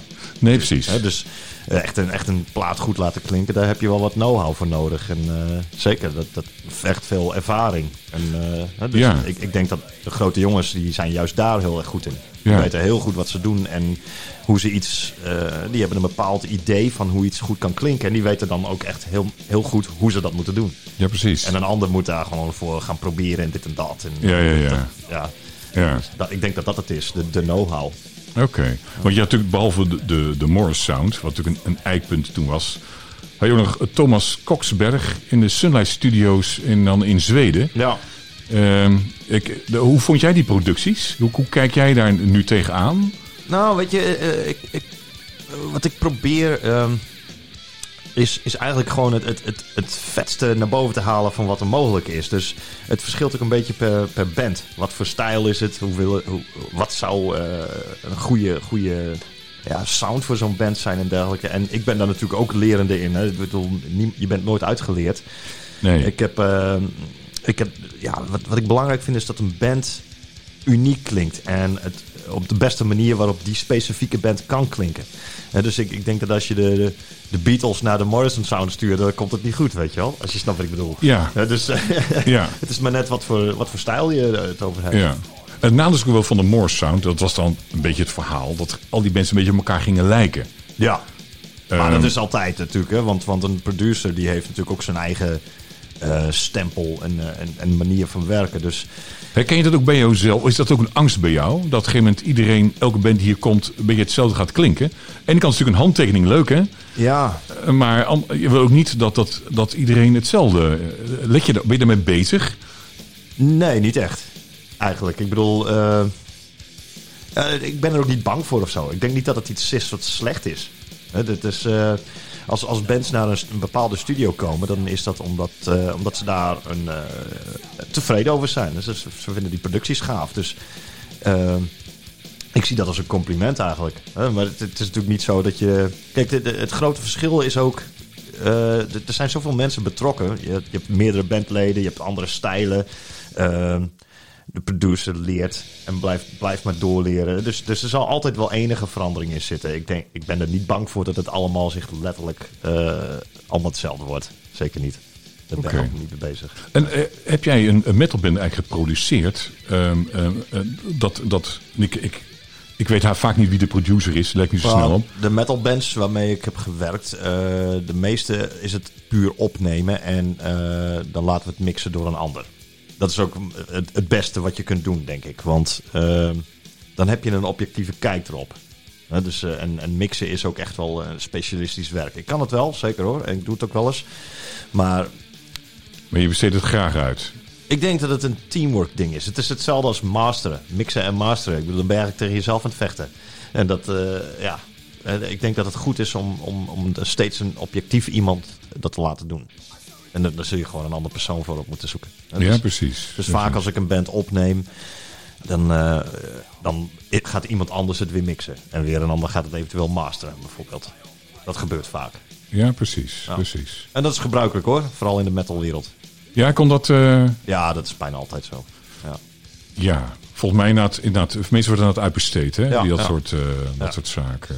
Ja. Hey, cool. Hey, gaan we nog, ik heb zin nog een nummer te draaien. Ja, daar zijn we wel mee bezig. Ja, dat, eh, maar inmiddels zijn we al naar de volgende. Stronger Than Hate eh, is, is nu bezig. Precies. Ehm, maar ik, ik, eh, ik wil eens even een andere band. Heb jij een, ehm, een- nog eentje die je denkt van... joh, dat vond ik wel een... ehm, en in, eh, bijvoorbeeld in, echt in de death metal. Wat is voor jou een beetje een eikpunt in de death metal? Zullen we even nog in dezelfde tijd blijven? Ik vind het wel Oké, leuk. nou, dan, dan- Ja. dan zou ik zeggen Suffer the Children van Napalm Death. Ah, kijk eens even. Napalm Death. Suffer. Even kijken wie naar voren komt. You Suffer. Nee, Suffer the Children. Nou, even kijken wat het een beetje... Nou, een mooie mix gaat niet worden. Maar even rustig weg. Huppakee, en dan gaan we naar onze vrienden van Napalm Death. Gaat die doen? Ja. Ja, dat is... Op alle platforms als Spotify, Apple en noem ze maar op, mag geen muziek in de podcast zijn opgenomen. Deze versie heeft dus in verband met auteursrechten geen muziek. Wil je de versie horen met muziek? Dat kan. Ga dan naar Mixcloud en zoek naar 130 dB op de site van 130db.nl. Ik heb hem lang geleden eh, eh, voor het laatst gedraaid. Jij? Ja, jij? lang geleden, ja. Ja. Ja, ja. Ah, te gek, man. Ja, dit is echt, echt heel erg tof. En dit, dit is nou het album wat ik bedoelde. Ja. De, hun eerste death metal album. is nou Harmony Corruption Ja, eh, was dat. eh, echt cool. Suffer the Children. Volgens mij staat hij ook in de death metal top 50 die ik ooit heb uitgezonden. Staat deze ook wel in. eh. Dat zal wel moeten, ja. En welke staat op nummer 1 denk jij? Gokje. Uit welke periode is het allemaal? Nou, de, de- in, in de death metal top 50 die ik organiseerde was... Nou, ik, ik- ieder was vrij, hè. Eh, maakt me niet uit. Maar uiteindelijk kwam je toch wel dat het gros... Nou, bijna 95% van de bands zat tussen nou, 89 en eh, 95, zeg maar. Eh, Daar zat, die range gebeurde het, zeg maar. En het, de nummer 1 is ook niet echt een verrassing op zich. Slayer. Als dat death metal genoemd mag worden. Ja, ja ik, ik heb ze eruit gegooid. Er waren een paar mensen die hadden eh, Slayer. En ik dacht van nee, die, eh, die Nee? skip ik. Had trouwens ook niet gered hoor, trouwens. Ik ze wel in had gelaten. Oké. Dat, eh, komen uit Zweden. Laat ik het iets makkelijker maken. En, eh, of wordt het juist ingewikkelder? Ja, dat, dat, dat kunnen er zoveel zijn. ja, dat klopt, ja. En het, het begint met N en het eindigt met Toont. Oh, en toen, ja, oké. Ja, ja, ja. ja. Heb je dan een idee welk nummer dat, dat zou zijn? Eh, nee, maar ik ben ook niet helemaal entombed eh, Oh. georiënteerd, eerlijk gezegd. Oké, nou het nummer Left Hand Path. Oh ja, die ken ik natuurlijk wel. Ja. Eh, Die is geëindigd op nummer 1. Oké, en, en, en ook best wel met een flinke voorsprong. Oké. En dat hoeft natuurlijk niet zo te zijn, hè? maar goed, de, een stuk of, ik denk 200, 300 mensen hebben een top 10 ingevuld. Uiteindelijk belandde dat nummer met de meeste stemmen op Ja, te 1. gek. Nee, zeker. Maar en- Entombed is niet, de, de, ligt het dan in Entombed of überhaupt de Zweedse...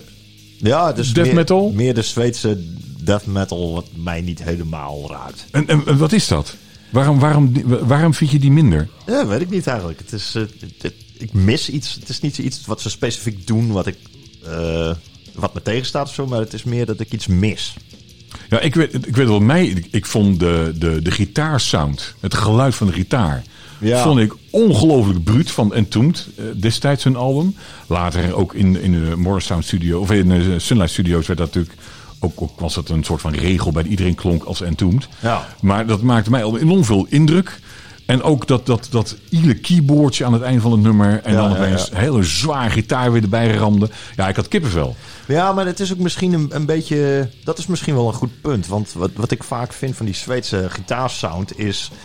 eh, dat het echt door een versterker geproduceerd wordt. En ik, ik, ik ben veel meer een fan van dat de muzikant die intentie moet hebben, zeg maar. En ehm, ja, ik, ik- heb, ik heb dan sneller het idee dat dat de, de- door de apparatuur komt, zeg maar. Hetzelfde... eh, Ja, dat zou goed kunnen. het, ik heb hetzelfde een beetje met eh, ja, een veel moderner iemand, maar eh, Michael Akkerveld. die, die, die vent van eh Opeth. Opeth, ja. Wat vind je Als- ervan? Nou, als hij grunt, eh, heel, veel, eh, heel veel mensen vinden, vinden zijn stemgeluid geweldig. En dat vind ik ook wel, maar hij meent het niet. Ik, zo, zo komt het bij mij aan. Dus hij meent het niet. Het is eh, een super vriendelijke huisvader die eh, een mooi geluidje kan maken. Ja, Ja, dat werkt bij mij niet, weet je wel. nee. Heel veel mensen zijn het absoluut niet met mij eens, maar zo zie ik het nou eenmaal. Nou, ik, ik, ik, ik, ik denk wel dat ik begrijp wat je bedoelt. Dat geldt trouwens voor meerdere. Dat geldt ook, vind ik, ook met, met Nederlandse eh, eh, eh, bands, los van de metal. Ehm, eh, heel veel mensen zingen over een soort van leed. En die denken van, nou, het komt mij echt niet binnen. En neem Ja. een Marco Borsato. Dat doet mij helemaal niets. Ook ik ben geen fan van André Hazes. Maar ik heb bij hem wel in ieder geval het gevoel dat er een soort van echtheid achter steekt, zeg Ja, maar. ja, precies. En dat kan ik dan wel weer waarderen. Ook al is het niet mijn muziek. Ik, dat stukje kan ik waarderen. Ja. En dat heb ik ook wel met meerdere... Met, heet hem? Laat me, van Ramses Shaffi. Oh ja. Dat eh, is ook niet metal, is ook niet wat ik elke dag draai. Maar daar proef je wel, godverdorie, die gozer meent het. Ja, precies. Dat vind ik heel belangrijk. En ja. dat eh, inderdaad heb je niet overal, Nee. inderdaad. En ik denk dat dat een van die dingen is wat ik een beetje mis uit eh, het gros van de Zweedse bands.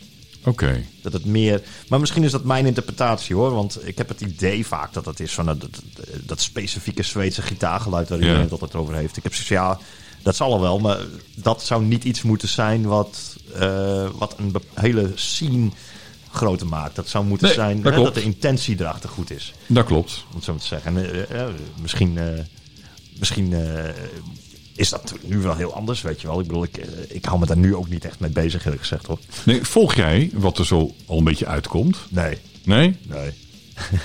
En, en, en, eh, en waarom is dat? Is, is, Ehm, goed, je kan te druk zijn, of je zegt, joh, ik vind het interessant meer. Of, of, Nou, ik vind het zeker wel interessant. Het is alleen, kijk, je, er zijn zoveel bands. Het is absurd veel, weet je Ja. En, eh, ik, ik heb mijn bands waar ik naar luister en ehm, ik ben zelf ook iemand, weet je wel, als ik, als ik een band gaaf vind, dan kan ik dat gewoon echt jarenlang kan ik van die band genieten. Dat, dat gaat niet meer weg of zo. En op de duur heb je genoeg bands. En dan ben, ja, ik, is- je, je bent verzadeld, er hoeft niet meer bij. Nou, het mag wel, het kan altijd wel, maar ik ben er niet specifiek naar op zoek of zo. Snap je? Dus het precies. is, het- en ik kom er- genoeg tegen, weet je wel, met, met alle, alle live shows en, en eh, mijn leerlingen die langskomen met, met bands en dergelijke. En eh, ja, op al die festivals wat je allemaal tegenkomt, ik, je, je komt altijd wel weer nieuwe dingen tegen. En eh, ja, ik denk dat het genoeg is om, om ja, in de picture te zijn met te weten wat er speelt op dit moment. Maar ja, van, eh, van de miljoen bands eh, zijn er misschien een paar waarvan ik denk van nou, dit zou ik echt kopen, weet je wel. En, want zo werkt het ook. Dat, eh, er zijn zoveel bands. Nou, er, er is een overkill. Ja, precies. Hè? Dus ja, dat, dat zorgt er bij mij ook een beetje voor dat ik er niet specifiek naar op, ge- op zoek ben. Nee, precies. Nou, ik, doe, ja, ik, ik ben eigenlijk wel op zoek naar, naar nieuwe dingen. Aan de ene kant omdat ik dat gewoon leuk vind, heb ik altijd gedaan. Aan de andere kant, goed, een radioprogramma is ook wel handig als ik even eh, zoek naar, naar nieuwe dingen. Ehm, en zo kom ik, ik word soms wel eens verrast. En eh, het, ik moet toegeven, het gebeurt niet heel erg vaak. Niet wekelijks. Ehm, dan heb je meer van, nou, dat ik het wel leuk vind, maar dan is het meer, eh, ja goed, niet, niet iets nieuws, zeg maar. Nee, precies. En het hoeft niet ook altijd nieuw te zijn voor me, maar sommige raken, raken een snaar bij je. Ja, En, en eh, denk ik van, nou, joh, deze plaat ga ik 30 keer draaien, dat weet ik nou al. ja, exact. En je hebt altijd denk van, nou, ik vind hem leuk, is prima. En vooral de ene nummer is wel leuk, maar eh, nou ja, het, eh, hij gaat zeg maar de, de kist in en zit daar mooi. Ja. Maar er gebeurt niet zoveel meer mee. Nee, precies. Ja, Dat, luister jij ook naar je eigen muziek? eigenlijk niet, nee. Nee, Nee, nee, nee in de auto heeft gezet even lekker God Dethroned op. nee eigenlijk niet. Nee? Nee. Ik bedoel, het, het gebeurt wel eens natuurlijk, maar... Ik, eh, maar je, je moet je ook voorstellen, als, als we zo'n album aan het maken zijn, dan, dan word je er... Je bent er dag en nacht mee bezig, weet Je bent wel. er zelfs een beetje klaar mee. Ja, dan kun je het niet meer aanhoren. Nee, dat, kan, dat kan ik me heel goed voorstellen. Ja, als, je, als, je, als je ergens heel de tijd mee bezig bent, dan denk je, joh, ik, ik, ik, ik kom een beetje mijn neus uit. ja, maar ik bedoel, als je een boekje schrijft, dan ga je toch ook niet de hele dag je eigen boek weer lezen? Ik bedoel, je weet al wat erin staat. En, en eh, of je een schilderij maakt, Nou, dan de, de- hele dag daarna kijken. Dat, Er zijn schrijvers eh, of mensen dat ik denk van, nou, die zouden echt hun eigen weg gaan zitten lezen. Dat denk ik ja, inderdaad. ze zullen er wel zijn, ja, zeker. Maar eh, Maar dat geldt Nee. niet voor jou. nee, zeker niet. Nee. Daar haal je niet de voldoening uit. Nee, nee het, is, het is niet zo dat ik het niet wil of zo, weet je wel. Maar ehm, het, het is niet, ik, ik luister liever naar, liever naar eh, eh, dingen waar ik gewoon echt al- als liefhebber naar luister in plaats van mijn eigen Ja. werk. Het- Ja. ja. En, en wat is dat? Kan je iets... iets- Momenteel? ja? Eh, poeh. Lastig, hè? ja. Ehm, ja, misschien wel leuk. eh, dat- het zijn ook vrienden van mij. eh, wat ik heel gaaf vind is Flash God Apocalypse. ja. Ik vind, eh, hoe heet het? Zijn, zijn, zijn het geen eh, Italianen? Het zijn eh, Italianen, ja. Dat Ja, klopt, ja. En- die, die zitten vast op het moment. Hè? Ja, die, dat zal vast. Ja, die is inderdaad... Kijk hoor. En dus er stond laatst een nummer ehm, van ze in, in de Metal Top 40 die ik uitzend. En ik vond hem niet geweldig. Ehm en het ding heette, even kijken hoor. Ehm heet het ding ook alweer? Ik vind het wel een hele toffe band. By the way. Ja, ik vind, ik, weet je, die, die, die hits, als je het zo mag noemen van hun, dat, zijn, dat vind ik eigenlijk de nummers die ik het minste van hun vind. Mona Lisa. Oh ja, ja. Nou, die vind ik wel vet. Jij vindt die wel vet? Die, die is wel tof, ja. Oké, Ja. oké. Het is niet mijn favoriet, maar... Nee. Ehm, en eh, bemoeien, bemoeien trouwens platenlabels zich daar veel mee? Kijk, ik vraag me af, hè, zo'n Face God Apocalypse, die komt dan met, met Mona Lisa aanzetten. Heb je, zou je dat zelf hebben uitgezocht? Van joh, dat nummer gaan wij eens eventjes eh, online zetten. Nou, ja, zij zitten bij een ander label dan wij. Dus hoe, Ja, hoe, hoe werkt het bij jou? Eh, dat is eigenlijk meer mijn vraag. Nou, weet je, als wij een... Want nu als, het, dan, als, het, als het album klaar is, en, en we, dan, we maken natuurlijk een plan hè, van hoeveel video's gaan we maken. En eh, ook, ook een tijdsplan, wanneer gaan we die video's releasen. Eh, hoe moeten die video's eruit gaan zien en wat moeten ze doen. En ehm, kijk, het, het doel is natuurlijk altijd dat mensen ehm, geïnteresseerd raken in je nieuwe album. En dat ze weten dat er een nieuw album is. ja. Nou, hoe ga je dat doen? En, en wat wil je? Weet je wel, eh, ons nieuwe album is, is wat, wat agressiever en wat meer. Wat, een klein beetje meer black metal dan de vorige drie, denk ik. ja, Ehm, dat denk ik ook. wat willen we daarmee? Willen we, een, een, eh, willen we de, de, zeg maar de, de, de, de fans die juist naar dat hardere werk luisteren, willen we die bereiken? Of willen we juist een groter publiek bereiken? Dan moet je juist niet op dat soort mensen gaan focussen. Maar goed, weet je, wij hadden zoiets van... Zijn het lastige keuzes? Ja, eh, eh, kijk, hoe meer mensen betrokken zijn, hoe lastiger het wordt. Want iedereen heeft zijn eigen mening natuurlijk. Ja. Eh, dus wat, wat wij doen is, we bespreken het met de manager en ook wel met het label. Maar degene die het uiteindelijk bepaalt, zijn wij. Oké, Zo werkt het bij ons. oké.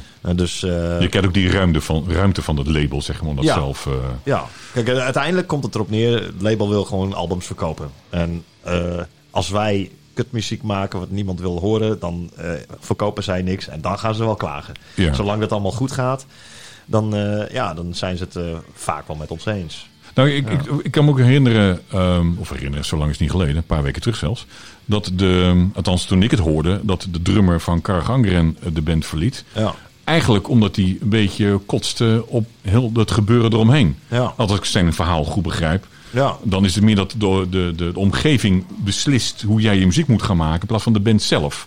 Dat is een beetje volgens mij de, de grond van zijn, van zijn irritatie. Ja, ik, En heb, het- ik heb hem daar niet over gesproken, maar ik heb natuurlijk wel gelezen wat hij zei. En, ehm, maar ja, ik weet, niet, ik weet niet precies hoe ik dat moet interpreteren. Maar het is natuurlijk wel zo, kijk, als je, als je een band als, eh, op dat niveau bent, dan ehm, wil je natuurlijk... je, wil, je wil je doelen bereiken. En die doelen liggen natuurlijk altijd steeds een stapje hoger. Ja. En er zijn bepaalde dingen voor nodig. Dus je, je moet een bepaalde productie hebben. En er, er komen steeds meer partijen bij eh, kijken. Hè. Er zijn steeds meer mensen. En dat betekent ook dat er steeds meer fout kan gaan. Ja. En het wordt steeds ingewikkelder. Ja, exact. En als, als er steeds dingen gebeuren waarbij eh, je je eigen verwachting eh, niet kunt halen door het toedoen van een andere partij, ja, dan is dat frustrerend. Ik, ik, ik, ik heb een beetje het idee dat dat er is, wat er wat gebeurt. Maar nogmaals, ik heb hem daar niet over gesproken. Nee, nee, dus nee. ik Maar ik kan me wel voorstellen dat het heel frustrerend is. Ja. Kijk, je begint een band, wij spreken in een, in een schuur. En Ja. je maakt je eigen ding omdat jij het dus heel erg leuk vindt. Ja. Volgens komen haken er partijen aan die ook iets vinden. Ja. Op een gegeven moment maak je, ja, voor wie maak je de muziek nog? Hè? Ja, nou kijk, ik heb dat soort dingen natuurlijk zelf ook meegemaakt. Ik kan me nog herinneren. ehm, kijk, ik heb natuurlijk ook specifieke verwachtingen van een drumkit. Dat wordt allemaal van tevoren afgesproken. En bijvoorbeeld een, een ding, is een leuk voorbeeldje. Eh, ik kan er wel om lachen hoor, maar eh, dit, eh, wij speelden destijds, een paar jaar geleden, hadden we een aantal shows in Spanje. En dan, wordt er van tevoren besproken wat voor drumkit er gere- geregeld moet zijn. En ik ben helemaal niet de moeilijkste met eh, of het allemaal exact is wat ik zeg. Maar het moet wel. De, hè, ik heb wel twee bassdrums nodig. Dat soort dingen. Ja. Nou, ik kom dan zo'n zaal in en daar zie ik een drumkit staan met één bassdrum. En ja, dat is gewoon een no-go, want ja, het gaat zo snel. Eh, ik Dan- heb gewoon twee, twee kickdrums nodig. Weet. Ja, anders gaat het niet worden. Ja, nou vervolgens komt, eh, komt de, de promotor eraan lopen en die eh, heeft een floortom in zijn hand en zegt hier is je tweede bassdrum. Weet je wel. Maar dat is gewoon een taalbarrière geweest en dat, dat, in principe is dat niet professioneel, weet je wel. Want hij zou moeten weten waar hij het over heeft, eigenlijk als je heel zwart-wit bekijkt. Ja. Ik lach er op dat moment om, want ik red me er wel mee. Maar Ja. kijk, als je op een hoog niveau zit. Kijk, als- stel, dat was dan een klein zaaltje. En eh, ja, dan, dan heb je zo'n instelling van, nou, we gaan gewoon alles geven wat we kunnen. Want eh, die, die 200 man wat hier voor ons neus staat, die, die, die vinden het toch al vet. En Ja. wij maken er gewoon het beste van. Maar als het nou een, eh, een groot festival was, waar waar je 15.000 man voor je neus hebt, waar je dan een DVD opneemt, ik noem maar wat. En dan, dan gebeurt zoiets, nou, dat, dan baal je echt. Ja, dat snap ik wel, ja. Dus het is maar net eh, ja, hoe, eh, hoe en wat er gebeurt, denk ik. En hoe vaak. En, eh, ja. Nee, maar ik, ik, ik, ik snapte inderdaad de irritatie op zich. Als de drummer zo goed begreep Ja. van Kargangren, dan snap ik wel dat dat geen lastig is als iedereen zich mee gaat bemoeien. ja. En dat op een gegeven moment ook, ja, misschien ook wel muziek gaat maken om ja, aan, aan de doelen te komen. In plaats van dat het nog een uiting is van je muzikale muzikaliteit. Ja, ik, de- ik denk niet dat dat zijn ding was, eerlijk gezegd. Maar ik, ik weet het niet. Nee, ik weet het ook niet. Eh, dat, eh, Maar goed, Ehm, jullie zijn trouwens ook net op, op tour geweest, hè? Ja. Door Stan- Scandinavië, dacht ik, heen. Ja. En, en ehm, eh, hoe, hoe ging dat? Was dat, was dat volle zalen? Ja, zeker. was heel goed. We hadden, het, het was beter dan we verwacht hadden, eerlijk gezegd. Oh, Ja. want de verwachtingen waren lager in ieder geval. Nou, weet je, kijk, wij, wij- de enige reden waarom wij op tour gingen was om ons nieuwe album te promoten. En, ehm, eh, maar goed, als je dan kijkt naar de package. eh, je had eh, Fractal Universe, dat is een bandje uit Frankrijk die opende. En dat is een vrij technische, sferische band. Toen had je Tulkandra, dat, ja, dat is eh, net als The Section vroeger. Exact. Ik heb ze een paar keer gedraaid. Ja. Inderdaad, uit Duitsland, maar Ja. een, de section ongeveer bijna een kopie. Ja, niet, ja. aardig, maar het... het eh, Ja, exact. Maar eh, en, en toen kwamen wij en daarna Obscura, weer zo'n technische band. Dus wij, wij hadden een beetje het idee van wij zijn de vreemde eet in de bijt hier zo. Dus, en dat, dat kan dan goed uitpakken of niet. Maar je weet gewoon, oké, het grootste gedeelte van de fans komt waarschijnlijk voor een heel andere soort eh, muziek. Hè, dus ons, ons doel was dan om die fans eh, voor ons te winnen, om het zo maar te zeggen. ja. Maar eh, ja, dat de, opkomst was, was verschrikkelijk goed. En, en we hebben het heel goed gedaan, weet je. We- we- dat merk je dan ook aan de reacties van het publiek. En ja, hoeveel merch je verkoopt. Precies, daar kan je ook natuurlijk aan. Graadmeter. precies, het was verschrikkelijk goed. Dus ja, veel beter dan we ge- gedacht hadden. Ja, precies. Ja. En wat, wat vind je, heb jij een voorkeur hoe, hoe groot het publiek moet zijn? Nee, Vind je, vind je, een, eh, vind je 10.000 man interessanter, leuker dan 200 man? nee, niet specifiek. Het is, eh, het is anders. Als je, als je op, op zo'n groot, eh, groot festival speelt, dan... Kijk, voor, vooral voor mij als drummer, ik zit helemaal achteraan, is het, is het wat eh, afstandelijker. Het is net alsof je naar een enorm scherm zit te kijken, weet je wel. Zelfs mijn bandleden staan ver weg. Ja, precies. Ja, ja, ja. Ja, en, het, en vaak komt bij mij dan pas later het besef eh, na de show eh, van eh, holy shit, dat waren wel veel mensen, weet je wel. Ja, precies. Wat, wat ik wel dan weer gaaf vind aan die kleine dingen is dat het veel intenser is. En je, je ziet ook echt die emoties op de gezichten van de mensen, omdat ze een pal voor je neus staan, weet je wel. En dat, Ja, ik, ik persoonlijk, ik weet één keer, toen, eh, toen trad er een band op, Son of a Bitch. en eh, daar ben ik toen heen geweest en het bleek een, een schuilnaam te zijn, want het was Venom. Oké. Die kwam. Dus er kwamen maar een, een paar honderd man bij spreken op af, want iedereen Son of a Bitch, wie is dat dan? Ja, ja. En het was zo tof. Het is echt zo'n hele kleine intieme sfeer met zo'n band. Nou, dat is geweldig. Ja, dat is dus ik, ik als, als luisteraar, als, als publiek, vind dat zo'n zo'n kleine sfeer eigenlijk veel toffer Ja, ja. dan in zo'n hele grote eh, eh, meute, zeg maar. Ja, vanuit publieksperspectief Ja. zeker. Ja, absoluut. Ja. Ja. Ja, En, en Zout, is het ook ondenkbaar dat een uh, God Dethroned een keer in een, in een kroeg zou spelen? Nou, we, hebben het gedaan de afgelopen tour. Echt? Ja, serieus? Ja, nou, Zat er een kroeg bij? Er zaten, er zaten een paar zaaltjes bij die echt heel klein waren. Ja. Maar dat waren dan in landen als, waar was het? Bosnië geloof ik. Dat was echt een klein zaaltje. Eh, dat is een soort, ja, wat, eh, ik denk het podium. Twee drumrisers. Ja. zeg maar. Ja, precies. En eh, nou, het kon erin, 100 man of zo. Dus, Want het zou ook een enorme verrassing zijn als jullie een keer in een, in een kroeg zouden staan. Kijk, je zal niet zoveel aan verdienen. Hè? Dus de hele gedoe eromheen, eh, waarschijnlijk, eh, dat is niet heel erg lonend. Ja. Maar de, de, de sfeer in zo'n kroeg, en opeens, hé, God is Throat hier, wow. Ja, dat is op zich ja. natuurlijk wel, eh, wel kicken. Ja, kijk, eh, van- eh, vanuit het, eh, het oogpunt of het leuk is, ja zeker, daar ben ik wel voor. ja. Eh, ik, ik, ik kan me nog herinneren, mijn, geloof, ik geloof dat het de eerste show... Oh nee, nee, nee. eh, eh, ik was eerst met uh, Docenten naar Japan geweest. Maar we hebben met Docenten hebben we in een kroeg eh, gespeeld in Leiden. Oh ja, dat, was- ja? dat, dat was te gek. Ja. dat was super vet. Ja, dat, ja, ik kan voor dat, dat zo'n sfeer echt heel erg leuk is. Dat is natuurlijk niet lonend, dus je hebt er niet zoveel aan.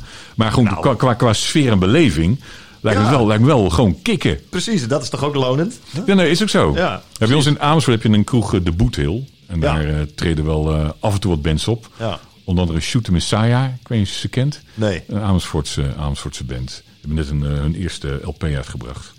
En die treden daar wel, wel eens op. Oké. En eh, ja, ik vind, dat vind ik echt, dat is echt, dat is echt gewoon tof. Ja, dat is Goed, leuk. Ze, ze zijn nog niet zo groot, maar daardoor, ja, dat podium is voor hen dan ook leuk. Ja. Hoe dat stuk gaat groeien, dan denk je, ja, goed, een kroeg, wat heb ik eraan?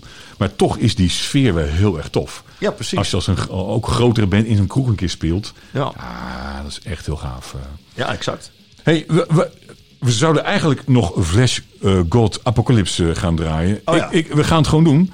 Ehm, heb jij nog een... eh, ik, ik zit nu bij hun nieuwste album. Maar heb jij een nummer en denk van ja, dat is tof? Of een Eh, album? Of, Ja, wat ik vet vind is eh, van het album King. ja, wat vind ik gaaf? Gravity vind ik vet. A Million Deaths vind ik vet. Kies maar een mooie. even, ik zit hem even te zoeken hoor. Ik zit wel bij King Gravity. Oh hier, Gravity. Die zei als eerste. Nou, laten we die eens even gaan draaien. En wat vind je er tof aan? Zo van tevoren? Is, is het ook de drum? Of is het gewoon Nee, de... nee, de... hele- leg, leg je eigenlijk op met een nummer, een nummer als je- zit te luisteren? Ik luister naar het geheel. Natuurlijk luister ik ook wel naar de drums, maar ook naar de gitaar. Ik, wat ik doe is individueel luister ik naar alle instrumenten, maar het gaat uiteindelijk om het geheel. Nou, dus eh, als, ik, als, ik naar, als ik een band echt vet vind, zoals dit, dan, dan gaat, is het het geheel wat mij eh, aanspreekt. Oké. Want ik heb wel, ik, als, ik heb nu dan een elektrische gitaar gekocht een paar jaar terug. En nu wil ik ook wat, ben ik ook wel aan het spelen. En ik eh, heb zelf dat op een gegeven moment ga ik ehm, een. eh, nou, ik ben onder andere met Metallica bezig met Seek and Destroy. En ehm, ik, ik vind eh, alleen als ik er geen moment tien keer oefen, ben ik dat nummer spuugzat. Eh, omdat ik het elke keer hoor en elke keer, ja, dus als ik het doe is het kut. dus ik word er nooit zo heel erg blij van. Maar ook het nummer Seek and Destroy, ik draai nooit meer. Omdat ik er nou zo vaak heb gespeeld. Ik hoor gelijk de gitaar, ben ik mee bezig. En Oh, oh ja, daar struikel ik over. Dus ik ben, het, de overkoepeling om naar dat nummer te luisteren vind ik best lastig. Heb jij niet zo moeite mee? Nee, Kennelijk? Maar, nee, maar dat is ook eh, kijk, eh, hoe je ernaar kijkt, denk ik. Weet, je- je, als iets saai wordt, dan is eigenlijk je focus verplaatst. Zo moet je het eigenlijk zien. Ja. Dus als je. Kijk, wij hebben natuurlijk ook. Als, je- eh, zo, eh, als je het over die tour hebt bijvoorbeeld, dan speel je. hoeveel shows waren er? 23, geloof ik. Elke dag dezelfde nummers. En je, je mag natuurlijk niet. eh, je- kunt niet van het publiek verwachten dat zij begrijpen dat je op show 10 eh, er geen zin meer in hebt, want je bent zat van die nummers. Dus je moet elke dag. Ja, elke zult- dag moet je 100% kunnen geven. Ja, Dus wat je ik doe- moeten. Ja, dus ik, ik hou me helemaal niet mee bezig met. eh, ja, ik heb dit gisteren ook al gedaan en die dag ervoor. En, nee, helemaal niet. Eh, Al moet ik het nummer een miljoen keer doen. Ik probeer gewoon elke keer te vinden naar mezelf te overtreffen. En, en het steeds weer minstens net zo goed te doen. Dat is waar ik op focus. En, en niet op, ja, ik heb dit gisteren ook al gespeeld. Nee, precies. Snap je? Ja, dat snap ik. En maar ook de, de ontwikkeling van zo'n band. Sommigen gaan natuurlijk helemaal los in hun ontwikkeling. Ja. En, eh, en als, als muzikant snap ik dat helemaal. Ja. Dat, je, dat je zelf eh, niet elke keer dezelfde plaat wil maken. Nou, Pestilence vind ik ook wel zo'n voorbeeld ervan. Mhm. Doe je natuurlijk eerst de drie albums. Dat zijn voor mij een soort eikpunten. Ja. En daarna gaat een soort van ontwikkeling. Ja. Ook de recentere albums. Ik snap als muzikant die daar behoefte aan hebt. Alleen ik als, als luisteraar, ontvanger, heb soms wel moeite om het dan eh, te blijven volgen. Dus ik snap het uit muzikant dat je die ontwikkeling wil doormaken. Vind ik Ja. heel gezond. Ja. Moet je ook vooral doen. Ja. Maar er zijn ook wel mensen die denken van je bent nu zo aan het ontwikkelen en aan het draaien dat, dat ik als luisteraar niet meer kan volgen. Ja, maar dat, dat is ook een persoonlijke smaak, denk ik. Tuurlijk, Want tuurlijk, tuurlijk. Ik heb, ik heb het omgekeerde, had ik met Slayer bijvoorbeeld. Ik, ik ben Slayer gaan volgen tot en met, nou... Divine Intervention had je toen. En toen kwam eh, dat album daarna, was Undisputed Attitude, dat punk album. Die heb ik al niet meer gekocht. Nou, ik nog wel, maar dat was wel het punt dat ik dacht van... Ja. En daarna, hoe kwam dat album, hoe heet het daarna ook alweer? Ja, een goeie. Weet je wel, met die, met die eh, Nostradamus voorop. Ja, precies, precies. Ja. Nou, die hoorde ik en eh, ik vond er maar één of twee nummers gaaf van. En de rest was, eh, ja, boeide me niet. En, en alle albums daarna, voor mijn gevoel, eh, waren allemaal hetzelfde. En, en toen had ik zoiets van, nou, weet je, de- ik blijf gewoon naar die oude Slayer shit luisteren, maar het, al dat nieuwe is allemaal hetzelfde. Voor mijn gevoel. En aan, Ja. de andere, eh, je hebt dan ook weer bands die compleet uit de richting gaan. En die elke album is bijna totaal andere stijl, weet je wel. Ja. En alles wat er, wat er tussenin zit. En eh, ja, het is natuurlijk... Ja, smaken verschillen, gelukkig maar. Eh, Is, is, is dat iets voor, zou dat iets voor jou zijn? Om, om zo te, te. eh, Los van je publiek. Maar als jij als muzikant. zou jij best wel. Want je groeit, hè, je smaak verandert ook. Ja. Dat merk ik ook aan mezelf. Dus ik kan me ook voorstellen. als je als ACDC ooit een keer in de jaren 70 begint. dat je anno 2020. ik kan me voorstellen. je smaak wat verandert. Ja. Nou, ACDC natuurlijk, bedient natuurlijk een beetje zijn publiek. Het klinkt natuurlijk allemaal een beetje in, in dezelfde league zit het. Maar ik kan me als muzikant wel voorstellen. dat je op een gegeven moment ook zelf een reis gaat maken. En zie je voor jezelf ook binnen de metal dat je denkt van nou, als het aan mij lag, zou ik best wel. Of, of Ehm, nee, het is, het is niet iets waar ik naar op zoek ben. Maar dat komt denk ik ook omdat ik toch wel met heel veel verschillende stijlen bezig ben. En ik, ik krijg daar, haal je ook je, daar krijg je voldoening natuurlijk uit. Ja, Ja. precies. Dus, Ja. eh, ja, Voor jou hoeft het niet per se dan. Nee, exact. Exact. Dus Ja. eh, ik zeg altijd, eh, elke dag pizza word je ook zat van. En als je dan een Nee, keer boerenkool eet, dan is die pizza ook weer lekker, weet je wel. Maar Nou, ik, ik- ik, eet gevarieerd, laat ik het zo zeggen. Ja, precies, ja. Nee, dat vind ik ook wel van de Metallica. Die natuurlijk al, al, al, al, al 80 jaar in principe de, dezelfde nummers spelen. Ja. En eh, ja, je moet het wel met altijd even enthousiasme kun je het brengen. En ik kan me voorstellen dat ook mensen natuurlijk zo ongelooflijk meanderen door de muziekstroming heen. Nou, die hebben natuurlijk te kuren de keus om te zoeken wat ze leuk vinden. Ja, ja. En Dat, eh, en is er een band die heel veranderd is die jij kan, kan volgen? Van album 1 tot de laatste? Die, Eh, ik, ik heb het meer dat ik het niet kan volgen. Er zijn een paar die ik wel kon volgen. nou, weet je... Hoe zit het met jou? Eh, als je, als je, eh, ik ben bijvoorbeeld wel heel veel in. Toen die band groter werd, ben ik heel veel naar Dimmu Borgir aan het luisteren geweest. En die band die ging steeds meer een, op den duur een beetje industrial kant op zelfs. En later eh, werd het echt een poppenkast. Nou, toen ben ik ze ook echt wel uit het oog verloren. Maar het, de begintijd dat ze ook echt aan het veranderen waren, heb ik wel heel veel gevolgd. Ja, en toen was ik het, ja, ik was er ook wel een voorstander van op dat moment. Want elk, elk nieuwe album hè, wat, wat ze hadden, waar, weer een beetje de stijl veranderd was. Was ik toch ook wel eh, op een goede manier verrast. ja, precies. precies. Er, ergens ging dat een grens over en toen dacht ik, nou, Ja, ja, ja, ja, ja. Ja, dat heb ik ook. Dat, dat gebeurt vaak, hè? Ja, ik, bedoel, ja. ik was best wel een fan van Opeth. Nou, wat ze nu maken. Ik heb er alle bewondering voor. Maar ja, het is niet helemaal mijn, mijn, mijn ding meer. nee, precies. Ja. En ik heb bijvoorbeeld ook met Paradise Lost. Ik weet niet of jij ze... bedoel, hun, hun eh, muzikale rit is natuurlijk ook bijzonder geweest. ja. En, eh, maar dat is voor mij een van de weinige bands. Maar dat komt ook een beetje door mijn eh, muzikale eh, voorkeuren. Ehm, en dat ik die wel heb kunnen volgen. En, Ja, ik, ja, ja. en eh, ik heb ook mijn voorkeuren. En dat zijn ook niet de meest eh, poppy albums van ze. Maar toch denk ik, nou oké, ik snap ze wel. Ja. Terwijl heel veel bands ik echt het, het spoor vaak bijster raak. Sorry, maar Ja, ja. dat... eh, Nou, nee, ik, ik heb dat niet zo erg. Ik, ja, ja, Dimo Borgir ben ik het spoor bijster geraakt ergens. Maar dat, ja, ik denk heel veel mensen. ja, ja, tuurlijk. Dat is- tuurlijk. En dat, dat, dat gebeurt natuurlijk wel heel erg snel. Ja, ja, precies. Maar eh, ja, er zijn, ik kan niet echt een band opnoemen die echt zo extreem veranderd is, waarbij ik dat ook volledig gevolgd heb. Nee. Nee, maar vonden, de meeste hebben ook natuurlijk een beetje een rustige verandering. Ik Ja. sprak ook een keer in mijn programma Maurice Swinkels Oh ja. van Linie of the Damned. En die vond ook dat zijn nieuwe album echt wel, wel, wel, wel ja, nieuwe dingen had. En ik moet toegeven, ze zijn er. Maar het is tu- natuurlijk niet zo'n hele eh, om een switch als sommige mensen wel doen. Nee. nee, en, eh, dus ik proef bij hem ook een soort van afweging. Ja, je moet ook niet natuurlijk je, je fans kwijtraken. Ja. Dus eh, je, je bent best aan het luisteren wat de omgeving ervan vindt. Ja. En de mentaliteit, nou fuck you, ik maak gewoon wat ik zelf leuk vind. Ja. Dat, dat, dat is, geeft ook een bepaald risico natuurlijk. Hè? Ja, ja, zeker. Zeker. En ik kan me voorstellen dat je er ook over nadenkt als band. ja, ja. Ja, gaan wij nou echt, uh, huppakee, we doen echt precies ons eigen ding. Wat natuurlijk ooit mee begonnen is. Ja. Je eerste plaats, precies wat je zelf leuk vond. Ja. En eh, maar ja, als muzikant heb je natuurlijk ook een, een route die je volgt. En dat je denkt van joh, ik zou best een keer wat anders willen spelen. Misschien Ja. wil jij wel een keer een lekkere funky ruffle in een Gold Dethrone doen. Noem maar wat. eh. Stiekem, stiekem doe ik dat al. Ja, ik kan me voorstellen dat je dat op een gegeven moment wel, wel, wel leuk zou vinden. Je hebt meerdere stijlen natuurlijk. Ja, maar kijk, weet je, ik, ik denk... eh, ik, ik kan me wel in, eh, in de woorden van Maurice vinden eigenlijk dan, weet je wel. Want ik, ik vind, je, je moet jezelf niet herhalen. Zo, en, en in mijn ogen heeft Slayer dat wel te veel gedaan. Maar je moet je, je, je, je stijl niet kwijtraken, laat ik het zo zeggen. Hè, want want je, moet- je moet jezelf opnieuw uitvinden... zonder dat je je, je persoonlijkheid als band verliest. Dat is een beetje hoe ik- wat, wat, wat ik denk. Nou, je moet iemand blijven herkennen, toch Ja, wel. exact. Hè, maar als je in één keer van, eh, van death metal naar, eh, naar pop gaat of zo, ja, die, die bands heb je, dan, eh, dan denkt iedereen van what the fuck. Weet je Ja. wel. En eigenlijk moet je dan gewoon opnieuw beginnen. In principe wel, ja. Ja, dus waarom- Daar kies je dan voor als band. Ja, dus waarom begin je niet gewoon een nieuwe band? Denk Ja. ik dan. Hè? Waarom moet dat onder dezelfde noemen?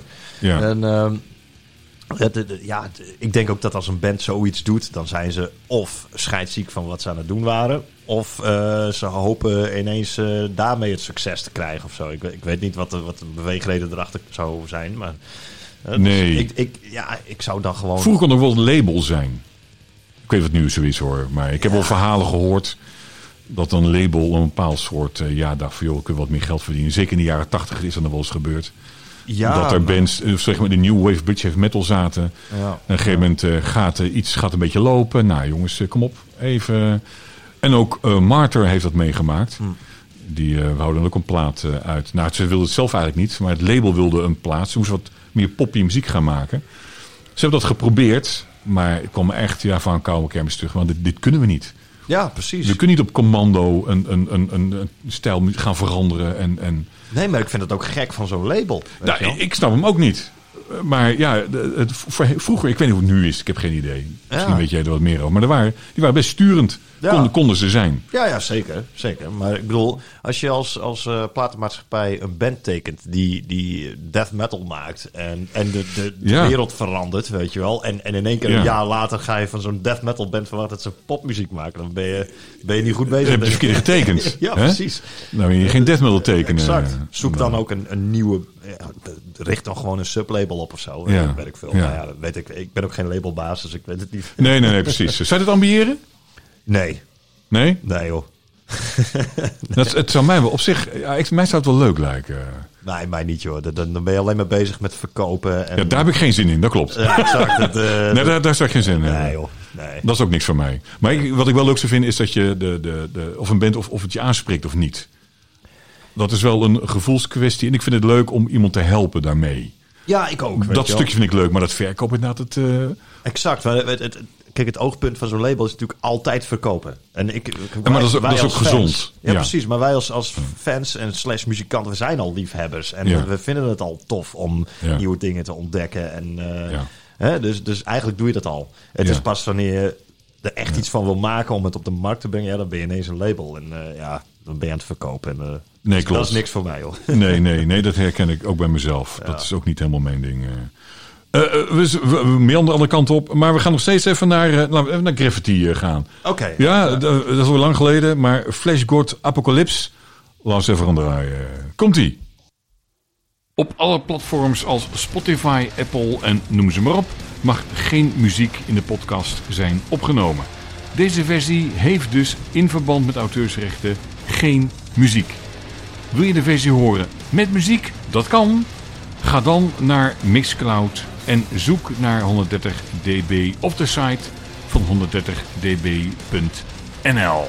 Oh, dit is het volgende nummer alweer. Ja, dat het Inderdaad, ja. Ik dacht, oh nee, ga er door. Nee, dit is het volgende het nummer gaat heel alweer. snel bij hun. Jongen, jongen, jongen, jongen, jongen. Nou, we hadden het net even over eh, eh, corona en alle gevolgen. Maar goed, dat is voor deze podcast misschien niet het, eh, het, meest, eh, het meest interessant. Ehm, ik, eh, ik moet even één ding eh, opbiechten. Ja. En eh, dat is. nou, ik, ik, in mijn studententijd kocht ik redelijk wat albums. Mijn studiegeld ging al- vooral op aan albums. en de CD's die ik toen kocht. En op een gegeven moment wilde ik gaan stappen. En mijn geld was op. En toen dacht ik: Weet je wat? Ik, ik, dan moet ik misschien maar echt toch een paar albums ga ik verkopen. En dan had je zo'n eh, een, een winkel. eh, je zat toen nog in kringloop. Maar goed, zoiets was het dan. Ja, ja, ja. Waar je je, je, je, je cd's die je niet wilde eh, kon brengen. En dan kreeg je daar wat geld voor. Dus ik dacht, nou dat ga ik gewoon een keer doen. Dus ik moest een paar albums uittrekken uit mijn verzameling. Wat pijn aan het hart deed. Want ik wou alles natuurlijk bij elkaar houden. Ik voel ik- hem al aankomen. ja, ik, ja ik, dus, ik, ik pakte er dus, dus een, een, een stuk, stuk of vijf, zes heb ik denk ik uitgepakt. Ik weet het niet allemaal meer, maar nog twee. Dat was eh, Polluted Inheritance. Eh haalde ik eruit. Eh voor mij Echo Side, als het album geloof ik heet, maar weet ik niet zeker. En, ja ja, God Dethroned. De Christ Hunt. Oh, echt? Ja, ja, die heb ik er dus uitgetrokken. Oh, dat had je niet moeten doen. man. Nou, ik, ik, ik, moet, moet ik het vertellen? Hè? Het is natuurlijk een beetje een, een, lastig verhaal. Hè? Omdat de, dus die is naar de, de pandjesbaas gegaan. En ik heb, nou, wat kreeg je? Het was gewoon nog gulden tijdperk natuurlijk. Dus ik kreeg daar, weet ik wat, twee- twee gulden vijftig of vijf gulden of zoiets ervoor. Dus helemaal niet genoeg om een avondje met een vriend op stap te kunnen. Dus ik, ik heb het toen wel gedaan en ik had later echt zo'n spijt. Ik bedoel, het, het uitgaan was natuurlijk een flop. Ik kreeg, een tientje ervoor Ja, voor, ja. Die, voor die albums. En, en, eh, en ik was wel een aantal albums was ik kwijt. Ja. Maar dat ik die er nou uitkoos, hè, Ja, ja. dat is even pijnlijk natuurlijk. Ja, zeker, ja. He- Heb, heb jij een, een, een... Want toen zat je nog niet bij uh, Nee. Dethroned. eh, Nee, joh, toen was ik tien dit of zo. dit- nee, 93 of zo, denk ik. De Christ Hunt. Ja, zoiets. Dus jij bent eigenlijk- 91, volgens mij. 91, als ik het goed heb. Oh, ja, ja, denk het ook. Ja, ja, inderdaad. Ja, Ja, dus toen was ik letterlijk 10. Toen was jij tien. Ja, ja. Dus je bent ook wel een beetje de broekie van de band. Of zijn er behalve Henry nog wel meer... Ja, onze gitarist, eh, onze gitarist is jonger dan ik. Die is Phew. eh, 28, geloof ik. ja, Man. ik ben een oude gek. Ja, precies, ja. dus dat, dat scheelt nog. Heb jij trouwens een, een, een favoriet album van God Dethroned? En zeg nou niet Christ Hunt, dan heb ik nog meer spijt. nee, niet echt. Ik bedoel, ja, ik ben ook niet objectief, weet je wel. Is ook zo. Maar eh, laat misschien welk, welk vind je het leuk om te spelen? Oh, zijn, dat, er, zijn dat, er... dat zijn meer specifieke nummers. Oké. Ehm, ik vind Soul Sweeper heel gaaf te spelen. Dat, eh, die, dat was nog met, eh, in de tijd dat Arjen eh, achter de drum zat. Eh, maar ik vind hem wel gaaf om te spelen. Maar ook eh, Annihilation Crusade, die, dat is wel met mij op cd. Die vind ik te gek om te doen, want er zit heel veel in. Het is, het is heel snel en het is ook groovy, maar er zitten ook hele langzame sferische stukken in. Soul Capture vind ik te gek, maar dat is echt puur sfeer. Ja, ja, ja, Dus, precies. eh, ja, het precies. zijn meer, meer aparte nummers die ik eh, als voorkeur heb, zeg maar. Wanneer hoorde je voor het eerst van God Dethroned? Niet in 91 met de Christ Hunt dan, waarschijnlijk? Nee, nee, nee. Want toen was je tien en toen was je daar nog niet helemaal mee bezig. Nou, dat was in de tijd dat eh, Under the Golden Wings, Wings of Death op, op tv gedraaid werd de hele tijd. En toen was ik Ah. een jaar of 17, 18, denk ik. Oké. En toen ik, ja, ik weet het nog goed, toen ik, toen ik 18 was. Ik ben best wel streng opgevoed. Ik mocht nooit naar shows en dergelijke, weet je wel, tot ik 18 was. En toen, eh, nou Ging ja, je los? nou, toen ging ik naar Dynamo Open Air voor het eerst. En eh, Ja, ja. ik, was, eh, ik was de enige uit mijn vriendenclubje die daar eh, Die dat ging. leuk vond. Ja, nou, niet, niet het leuk vond, maar die... Maar wel die ging in ieder geval. Ja, precies. Dus ik ben in mijn eentje met een tentje ben ik naar Dynamo gegaan. En eh, de, nou, ja, dat was ook mijn eerste festival ooit.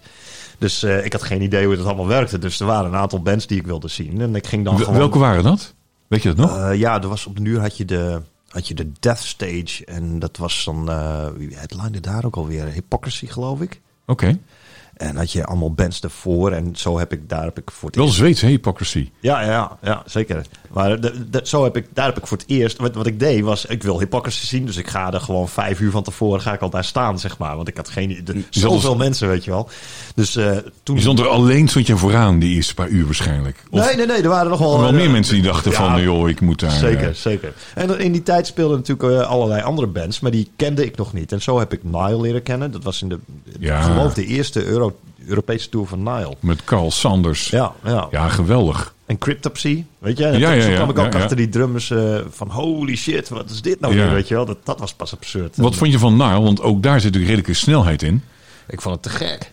Ja. Ik, ben ook, eh, ik ben ook nog wel in contact met de drummer die er destijds bij zat, Pieter Mora. En dat is Ja. een super aardige gozer, weet je wel. Ik, bedoel, Ja. We zijn nu eh 21, 22 jaar verder. ja, precies. Hè, maar ja. dat is, eh, ja, ik vond het toen, eh, dat heeft me compleet omvergeblazen. En drumt hij nog steeds? Hij drumt nog steeds, maar niet bijna al. al Nee, nee, nee. Maar hij zit nog wel ook in de metal scene. Nee, ook niet in de metal neer. Nee, Oké. Nee, nee, nee. Hij doet andere dingen nu. Ja, eh, precies. Maar wel met drum bezig nog. Ja, ja, zeker, zeker. Is dat ook niet iets wat je kwijtraakt? Als je eenmaal drummer bent, dan...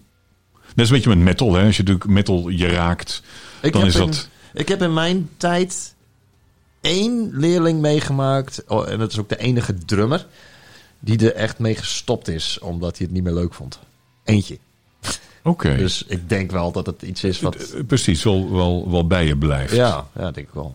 Maar goed, eh, anyway, je had toen eh, op dat Dynamo had je dus eh, eh, de dag daarna geloof ik had je de Black Stage. En daar kwam eh Marduk speelde en Dimo Borgir, wat ik op dat moment heel erg gaaf vond. En eh, daar speelde God Dethroned ook. En ik... eh, eh. Ja, dus ik, ik stond vooraan. Ik sta nog met een foto in de aardschok zelfs. eh, Oh ja? Ja, Ja? het bangend eh, publiek, daar sta ik vooraan. Ja. En daar, daar zag ik het voor het eerst live. Maar ik kende ze nog niet persoonlijk. En dat, Nee, precies. dus, ja, zo ben ik eigenlijk in contact met ze gekomen. Ja. Wat grappig. En wanneer kwam je met ze in contact? Nou, mijn eerste band, Kattenvalk, ehm, die heeft getekend bij een label van Henry op dat moment. Die, Henry had toen een, eh, een label dat heette Cold Blood, Cold Blood Industries. En ehm, ja, hij, eh, wij, hij tekende ons bandje. Dus eh, zo heb ik hem eigenlijk eh, voor het eerst ontmoet. Oké. Ja. En uiteindelijk ben je volgens mij in 2009, als ik het goed heb, bij God Dethroned terechtgekomen. Hè? Klopt, ja. ja. En hoe is dat gegaan? Ehm, dat was in de tijd, toen zat ik in een band uit Utrecht, dat eh, Detonation. En ja, die wij, ken ik goed. wij speelden in Amersfoort. Echt waar? Ja. Ja, Ja, ja. eh, ik weet niet, de zaal ben ik even kwijt. ik, ik heb de, de, de drummer ervoor nog een keer eh, ontmoet voor jou. Roel of Arjen? Ehm, Die jongen die bij Epica zit is Arjen. Nou. God, ik weet ik, die namen, joh, ik ben slechte namen, man. Ehm, ik weet wat, ze hebben toen een eerste album uitgebracht. En die ging ik kopen in een tentje, in een cd-tentje. Eh hoe heet het ding ook weer? Die, die, ehm, in Utrecht was dat. En die had heel veel metal. En daar was hij binnen. Ah. En hij vroeg daar van, joh, zijn er al veel cd's verkocht? En dus raad ik even met hem aan de praat. En eh, ik heb toen ook de cd van Detonation toe gekocht. Oh, van Detonation? Ja, Thomas. Ja, Thomas. Ja, ja, dat is hem. Dat, die Thomas, naam, Thomas, dat is hem inderdaad, ja. ja, ja. Dat, Ja, dat is Thomas, ja. ja. ja. En die, ken je die ook? Die ken ik zeker. Ja, ik heb hem al jaren niet meer gezien hoor. Maar, eh, Nee, precies. Maar je hebt hem toen wel eh, ook In al... die tijd wel, ja. Ja, zeker. precies. Ja. Maar goed, eh, zo, zo ben ik ook bij Goddy Throne terechtgekomen. Want ik zat bij Detonation. En Ja. ehm, wij hadden een, eh, show in, in Amersfoort dus. En ehm, Henry, eh, ik kende Henry van, van een, een aantal jaar daarvoor natuurlijk. Toen hij, mij, eh, toen hij onze labelbaas was. Ja. En eh, nou, een gezellig eh, gesprekje gehad. En eh, nou, dat was het eigenlijk. En een aantal dagen later, toen eh, stuurde hij mij een, eh, een berichtje van... hey, kan ik je even bellen? En ik dacht van, je hebt mij nog nooit gebeld. Wa- wa- Nee, waar waarom- gaat waarom dit- zou je? Waar, waar gaat dit nou weer over? Ja. Natuurlijk Ja. had ik wel een vermoeden. Ja. Maar nou, toen belde hij en hij zei... Nou, we, we zijn op zoek naar een drummer. Wil jij het doen? En nou ja, zo... ik heb ja gezegd. En toen had ik... ik geloof dat het twee weken voor de release van Passchendaele was. Dus ik had twee eh, weken de tijd om eh, iets van 25 nummers te leren. En eh, ja, toen deed ik dat al eh, op dat tempo. ja, precies. Ja. En dat, dat, dat gaat. Is dat Ja, voor... is Is, gelukt. Ja. jou is het gelukt? Is dat, is, dat, is dat heel snel? Het klinkt voor mij heel snel. Het is snel, ja. Maar ik weet dat misschien de andere drummer denkt van... Ja joh, dat kan ik wel in een week. Ik, heb, ik, weet, ik weet niet, geen idee hè? Nou goed, het is een. eh, kijk, de, de, de echte. je hebt natuurlijk een aantal mensen die, eh, die dat heel snel kunnen. En er zijn ook wel jongens die dat nog sneller dan mij kunnen. Maar Maar je hoort wel bij de sneller die dat snel... Want ik vind het heel snel klinken twee weken. Maar ik heb er geen verstand van. ah, ik denk dat, dat het een voordeel is dat ik dat snel kan. Maar ja, er zijn natuurlijk altijd mensen die het sneller kunnen. Maar Tuurlijk. het moet ook goed, weet je wel. Ik, Ja. ik vind het heel belangrijk dat je iets goed doet. En Ja. eh, liever goed dan te snel, zeg Ja. maar. Maar soms zit je in de situatie... eh, het is een voordeel, voordeel, denk ik, voor mij... In, in, deze, in die sessiesector... dat als een band eh, vandaag belt... en ze hebben over drie dagen een drummer nodig... dat ik dan daar, dat ik dat eventueel wel zou kunnen. Ja, Zeg maar. En en anders zouden misschien... Ja, helemaal, daar heb ik drie maanden de, de tijd voor nodig. ja. Maar je hebt er misschien ook wel jongens bij die zeggen van... ja, dat eh, kan ik in twee dagen. Ja precies. Ja, precies Dus, ja. eh, Wat dan ook beter is, natuurlijk even de vraag. Hè? Ja, precies. eh, precies. dat, Dat is, eh, maar ik denk dat het snel is en dat het wel een voordeel is. Maar als het maar goed is. ja. Dus, Dus ben je op tour geweest eh, met God Dethroned. Ja. Was, was het toen al duidelijk dat je in... eh, was je toen ook een soort van sessiemuzikant in eerste instantie? nee, ik ben wel Of echt... eh, voeg je gelijk bij van joh, ik wil je permanent bij de band hebben? ja, precies. Het eh, tweede. Ja. Ja, precies. Ja. En komt er ook iets aan een contract bij kijken? Of heb je geen contract in de muziekwereld? Nee, nee, op dat, op dat moment nog niet. Tegenwoordig wel. Maar ja, is dat, is dat gebruikelijk? Dat je op een gegeven moment wel een afspraak met elkaar maakt? Ja, kijk, de- toen was het meer eh, mondelinge afspraken. We gaan het gewoon doen, weet je wel. En Ja. dat, dat was... Ik was toen ook een stuk jonger en, en on, onervarener, zeg maar. Want het was de grootste band tot, tot dat moment eh, waar ik mee in aanraking kwam. En we Ja. gingen de hele wereld over. Ik ging voor het eerst met bands, met die band naar Amerika Zuid-Amerika en dat soort dingen. Ja. Dat had ik nog niet eerder gedaan. Nee. Dus uh, ja, ik was ook vooral heel enthousiast en, uh, en heel gaaf uh, dat we dit allemaal gingen doen. Weet je wel? Ik ging echt drie stappen omhoog, om het zo te zeggen. Precies. Dus dan neem je ook al snel genoegen met ja, gewoon mondelinge afspraken en ja. teamwork. Laat al lang blij dat je erbij mocht zijn. Precies. Rest, dat zal wel. Precies. En dat hebben we dan ook gedaan, weet je wel. Dus, maar tegenwoordig werkt het wel wat anders. Want ja, toen was het ook nog niet mijn baan. Toen was het gewoon een hobby en een passie. En uh, ja. ja. alles is veranderd tegenwoordig. Dus uh, nu ja. maak ik wel echt contracten en afspraken, zeker. Met bands. Ja. Dat, uh, ook als je sessie doet? Of is dat, is dat nog steeds een beetje... Soms wel, soms niet. Ligt er een beetje aan. Kijk, ik werk ook met een systeem.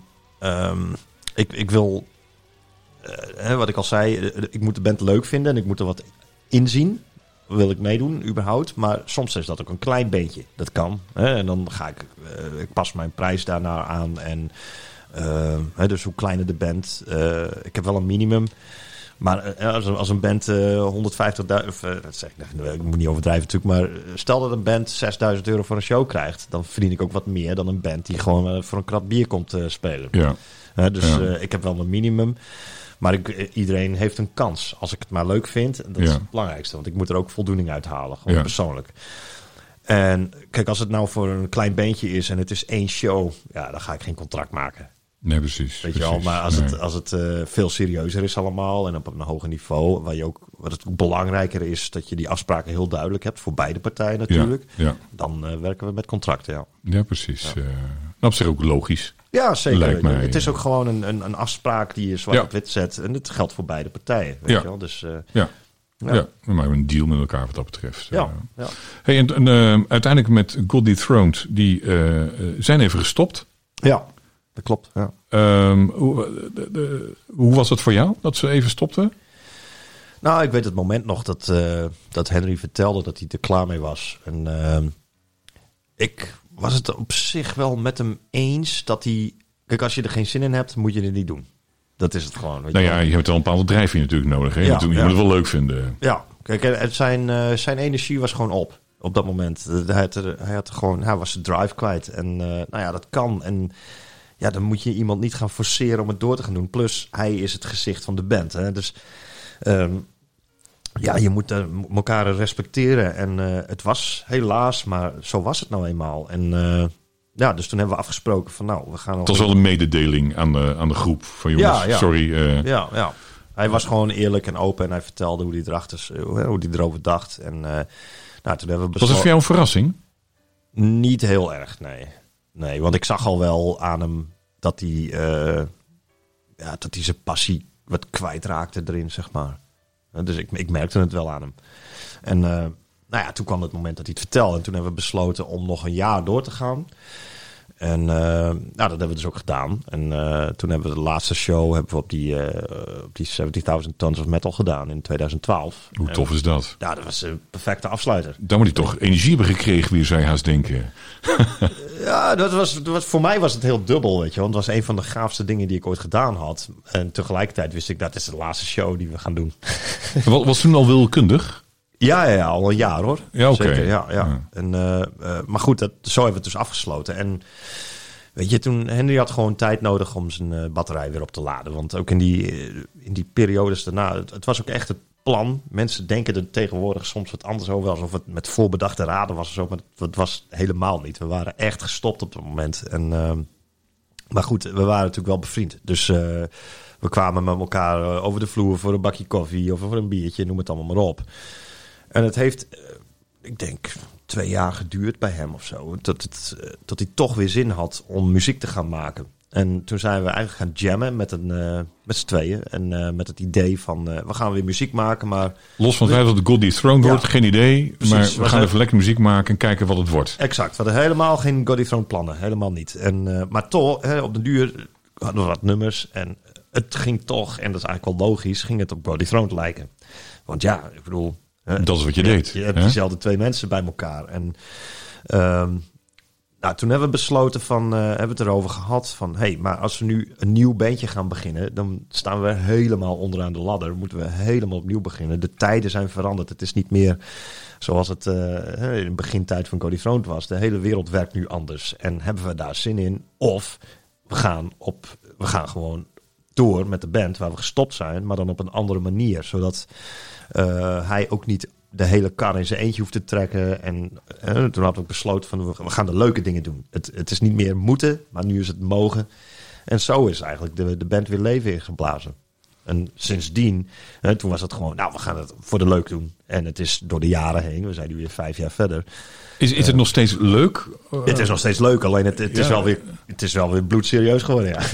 Ja, ik kan me voorstellen dat op een gegeven moment je weer op een niveau uit zou kunnen komen van potverdorie, eh, zit ik weer. Nou, eh, kijk, mijn energie is nooit opgeraakt. Dus ik, ik ben Nee, altijd... dat was ook niet jouw call om te zeggen Nee. op dat moment van jongens, eh, laten we ook Gold Dethroned even in de ijskast zetten of niet Nee, stoppen. Precies. Dat Dus jij had het. best wel doorgewild waarschijnlijk. Ja, ja. Alleen het is meer Henry die aan gaf, eh, ik hoef niet. Ja, precies. En kijk, hij, ik denk dat hij nu ook wel beseft van... kijk, we, we werken gewoon heel anders, op een heel andere manier. Hij deed vroeger echt letterlijk alles zelf. Hij boekte de shows zelf. Hij was degene die de labels opbelde. En hij moest die hele kart trekken. Alles. En Ja. nou, dat is natuurlijk super vermoeiend. Ja. En, en je bent dan heel veel energie en tijd in kwijt. En eh, kijk, nu, eh, nu hebben we de taken wat anders ingedeeld. En eh, ja, daar, daar hou je ook gewoon meer ademruimte over. En dan kun je ook meer gewoon genieten van de dingen die je bereikt, denk ik. Dus eh, Ja. dat, dat werkt zeker wel. Maar het is wel weer net zo, eh, net zo serieus geworden. Ja, precies. Maar, maar ja. toch wel an- anders ingekleurd, Ja, zeg precies. maar. Dat, eh, precies. Want hij doet nu niet alles zelf meer. Nee. Is uitbesteed. Nee, nee we, we hebben gewoon de taken onderling anders. Ja, precies. precies ja. Je doet wel als band, doe je het. Ja, zeker. Maar En natuurlijk hebben we een boeker en we hebben een manager en we hebben een label, weet je wel. Dus die, die doen hun kanten van het verhaal. Maar Ja. het, het blijft teamwork. En eh, het, het is niet meer zo dat hij nu in zijn eentje moet be- gaan bepalen wanneer de band wel of niet gaat toeren. Of eh, Nee, precies. dat precies. soort dingen. Dus eh, Ja. En, en de muziek schrijven, hoe werkt dat bij jullie? Ehm, kijk, de, de gitaristen, zeg maar, die, die vo- voornamelijk doen, maken we de nummers hier beneden. En ehm, Jeroen en, eh, en Dave, destijds nog Mike, eh, onze ex-gitarist, die bedenken ook wat riffs. Die sturen het door naar Henry. Henry kiest eigenlijk uit wat hij daarvan wil gebruiken en wat niet. En Henry heeft natuurlijk zelf heel veel ideeën. En eh, nou, wat doet hij dan? Dan komt hij naar mij toe. En dan gaan we met sluiten ons eh, met z'n tweeën op. En dan maken we daar, vormen we de nummers van de riffs. En er zijn heel veel riffs die worden weggegooid. Er zijn ook heel veel riffs die wel worden gebruikt. Of we gaan in volgorde lopen snijden, draaien de boel van achters naar voren, noem het allemaal maar op. Dat nemen we dan op. En eh, hè, gewoon ruwe, ruwe demo-opnames, zeg maar. Luisteren we terug, gaan we evalueren. Wat, kunnen, wat zouden we anders kunnen doen? Is dit wat we willen? Of, hè, dus zo doen we dat eigenlijk. En dan, eh, nou, lijkt, me, wel- binnen- lijkt me wel heel gezellig. Als je hier met z'n tweeën zo even... Het- het- Ah. Ja, zeker. Maar soms is het ook wel frustrerend. Weet je wel, als je, als je niet. eh, als je een bepaald idee hebt en je krijgt het er niet uit. Zeg maar. Ja, Het is een writer's block of zo. ja precies. Je, je Ja, ja, weet, ja. je weet dat er iets mist, maar je weet niet wat het is. Dus het, Ja, dat is frustrerend, ja. dat kan frustrerend zijn. Maar ik, vind, ik persoonlijk vind het ook wel heel leuk om, eh, om daar juist naar op zoek te zijn. En als je het dan uiteindelijk gevonden hebt, dat, het dan, eh, dat je denkt van yes. Weet je wel? meestal vind je het wel? Ja, Of- ja. Ja? Ja, ja. En wij, weet je, Henry is ook iemand die werkt eh, goed onder druk. dus hij, hij heeft vaak de, eh, de, de, de manier van werken is dat het allemaal in een vrij korte periode allemaal klaar moet zijn. En eh, dat is voor mij wel weer eens lastig. Weet je wel, ik, ik, ik ben meer van waarom zou het allemaal zo snel moeten? Als je, Ja. waarom, ik neem liever de tijd voor dingen. Ja. Maar het is ook wel weer leuk dat het dan weer werkt. Weet je wel, het lukt toch altijd. Ja, precies. En we doen het wel. Weet je ja, precies. precies. En dan, eh, dan komen de resultaten. En als je dan weer terugluistert, dan eh, denk je van yes, weet je wel. Ja. Maar dat is dan ook gelijk de laatste keer dat ik daarna luister. Ja, precies, ja. ja, ja, ja, ja. En dat eh, produceren van het album doe je niet hier, hè? nee, we hebben het nu... eh het laatste album hebben we wel op een iets andere manier gedaan. We hebben wel zelf de drums opgenomen. Wel met hulp van, van onze destijds geluidsman. Ehm, gitaar en bas hebben we ook zelf gedaan. Eh, zang ook en toetsen ook. En dat hebben we eh, dan weer uitbesteed naar eh, iemand anders om het te mixen. Waar Henry wel gewoon naast heeft gezeten. Ja, precies. Dus die heeft zich er wel mee bemoeid. Dus Ja. het is, we hebben het eigenlijk wel best wel veel zelf gedaan, ja. Ja, ja. ja. En dat is ook leuk. Dat is ook te gek. Nou, dat denk ik ook. Ik denk dat het heel bevredigend is als je het zelf even maar kan doen. eh dat je het uit moet besteden. Ja. Ik heb ook vaak gehoord dat mensen het uitbesteden ook niet zo blij zijn met het resultaat. Nee, maar dat komt dus eh, vanwege die verwachting die ze zelf hebben, weet je wel. En eh, dat kan er van alles en nog wat liggen. En eh, ja, wij- zijn ook wel heel erg aan het battelen geweest om, het, om de juiste sound te krijgen en zo hoor. Dat, eh, dat is niet iets wat heel makkelijk is of zo. Maar kijk, weet je hoe. hoe, eh, als je weet dat het beter kan, dan ga je, dan, dan ga je dat doen. En, en wij wilden gewoon geen concessies doen met. eh, ja, het is nou wel goed genoeg. Nee, als je weet dat het beter kan, maar je weet nog niet precies hoe, dan gaan wij op zoek naar wat dat is. En Ja. ja, we stoppen dan ook niet eh, tot op dat eh, punt gevonden is, zeg maar. Maar, Maar, dat heb- kost wel tijd. maar ik kan me ook voor dat je op een gegeven moment ook wel doe. Het is nooit af voor je gevoel. Nee, ergens het- moet je het- dat zeggen. Nou, ja. ergens moet je zeggen, nu is het goed genoeg. Ja, ja, klopt. Dat kan voor je het even weggelegd, dat het nog weer even anders wordt. En misschien nog wat bijfeilen, misschien nog wel beter. Ja, ja. Maar ergens moment zijn, joh, oké, het is nu goed genoeg. ja, dat is heel lastig, ja. ja. Dat lijkt me heel ingewikkeld. Dat is moeilijk, ja. Ja, Ik heb ooit in creativiteit ik wat, ben, ik- ben ik wat gaan schilderen. ja. En dan geef ik ja, is het nou klaar of niet? Ja, ik, precies. ik vind het nog steeds lelijk, maar dan, wat moet er dan gebeuren? Ja. Maar dat, dat momentje besluit, oké, nu- nu eh, gaat er olie overheen en is het, eh, is het afgerond. ja, ja. Dat is wel een, een, een puntje. Dat is een lastig punt, ja. Zeker. Wanneer is het goed genoeg? Ja, Ja. absoluut. Ja. En zijn je het daar met z'n- met z'n tweeën, of ik, ik weet niet of je misschien wel meerdere bandleden zich mee bemoeien, geef me dan wel van, dat dat duidelijk is? ja, sowieso bemoeit iedereen zich ermee, hoor, die, die op het album speelt. Kijk, het is, ik vind ook dat het belangrijk is... eh, als je meedoet, dan moet je zelf ook tevreden zijn. Ik zou het zelf eh, best wel ont, eh, fout vinden als er iemand is in de band die, eh, die het er ergens niet mee eens is. Die, die, die naar dat album luistert en denkt van ja, dit is helemaal niks. Ik vind dat iedereen tevreden moet zijn. Zeg maar. Ja. Eh, dat, is, dat is natuurlijk ook belangrijk voor, voor het teamwork, zeg maar. Dus, ehm, maar ja, wanneer bepaal je dat nou? Ik- Kijk, we, iedereen luistert gewoon heel veel. En eh, op den duur raak je ook een soort van lawaai doof daarvan. Je, je hoort het op den duur niet meer. Je bent niet meer objectief. Dus soms moet je het ook even laten rusten. Even een, paar dagen niet luisteren. Of je stuurt het door naar een, een, derde partij van de, de manager bijvoorbeeld. Wat vind jij er nou van? Of, ehm, en na een aantal dagen ga je zelf weer luisteren. En dan hoor je misschien toch nog wel weer dingen. Die je eigenlijk wel heel gaaf vindt. Die je eerder niet opvielen. Omdat je het zo vaak gehoord had. Of, of je hoort juist dingen die... Oh, dit moet toch even anders. Weet je wel? Ja, ja, ja. En ergens moet je dan toch wel gaan bepalen van... nou, het is nu goed genoeg. Zeker. ja anders, Dat- komt hij, anders komt hij nooit af. maar ja, hoe doe je dat nou? Ja, dat is een lastige. Dat is lastig uit te leggen, ja. Ja. Maar het is hetzelfde met alles, weet je wel. Ik ook, eh, ook met... Met een bepaald soort gevoel waarschijnlijk. Dat je op een gegeven moment denkt van, Ja. nou, nu, nu. Kijk, mijn, mijn drummers, mijn, mijn, of mijn drummers, mijn, eh, mijn leren, eh, leerlingen, die vragen dat ook vaak, weet je wel. Want naarmate je beter wordt, je gaat ook beter inzien wat je nog niet kunt. En het is, het is eindeloos. Je, je- het kan altijd beter. Dus die vragen wel eens aan mij van, wanneer is het goed genoeg? En in mijn argument is altijd van, vind je het leuk? Als het antwoord ja is, en dan, nou, vind je, vind je het, eh, klinkt het goed? Vind je het zelf goed klinken?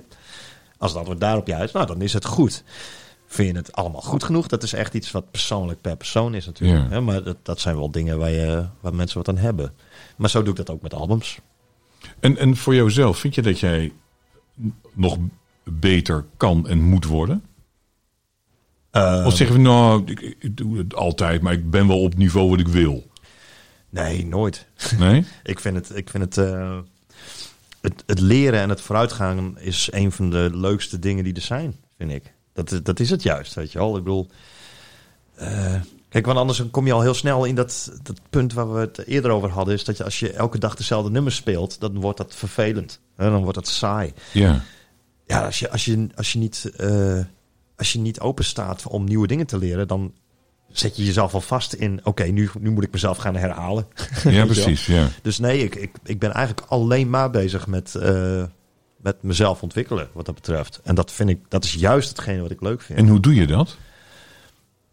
Oh, dat kan op heel veel manieren zijn. Ik bedoel, eh, soms dan ben ik. eh, soms dan, dan, dan ran, als ik niet weet wat ik doe, dan sla ik gewoon, pak ik een random boek en dan sla ik hem gewoon random open en dan ga ik dat spelen. Maar als ik het al weet, als ik al het ding al duizend keer heb gedaan, dan ga ik misschien de subdivisie veranderen. Dus dan, als het iets steeds wat 4-4 is in 16e, dan ga ik hem in triolen spelen of ik speel hem naar voren en dan achteruit. Achterstevoren, weet je wel? Ja, precies. Of ja, ja, eh, ja. letterlijk de sticking omdraaien. Alles, alles omdraaien. Weet je wel? Dus of eh, wat je normaal met je rechterhand doet, doe je nou met je linkervoet. En wat je met je linkerhand doet, doe je met je rechtervoet, et- et cetera. Uitdaging. Ja, en, en dat, eh, dat maakt je heel erg creatief.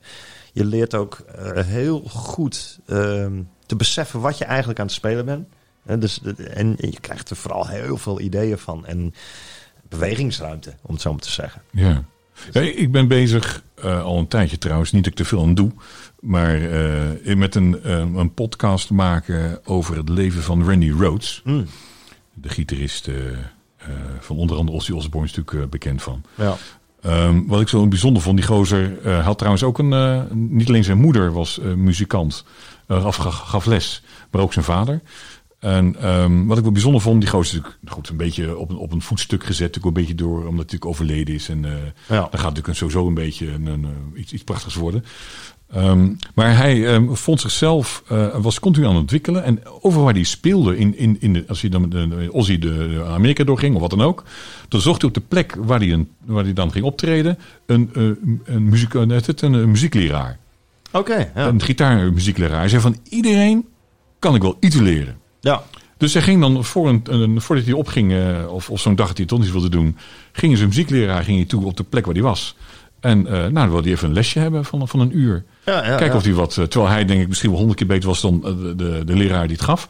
Ja, maar zo zie ik het dus ook, weet je wel. Je, kunt altijd iets leren van een ander. En, en ja, je vroeg me dat aan het begin van, de, van deze aflevering van, ja, van wie, van wie, tegen wie kijk je nou op? En ja, het, het is me net waar je op let, weet je wel. Want ik kan bijvoorbeeld ook, ik vind het soms fantastisch als ik, eh, als ik de, de, de- een jam sessie inloop en je ziet een complete amateur die eh, misschien voor de derde keer in zijn leven achter een drumkit zit.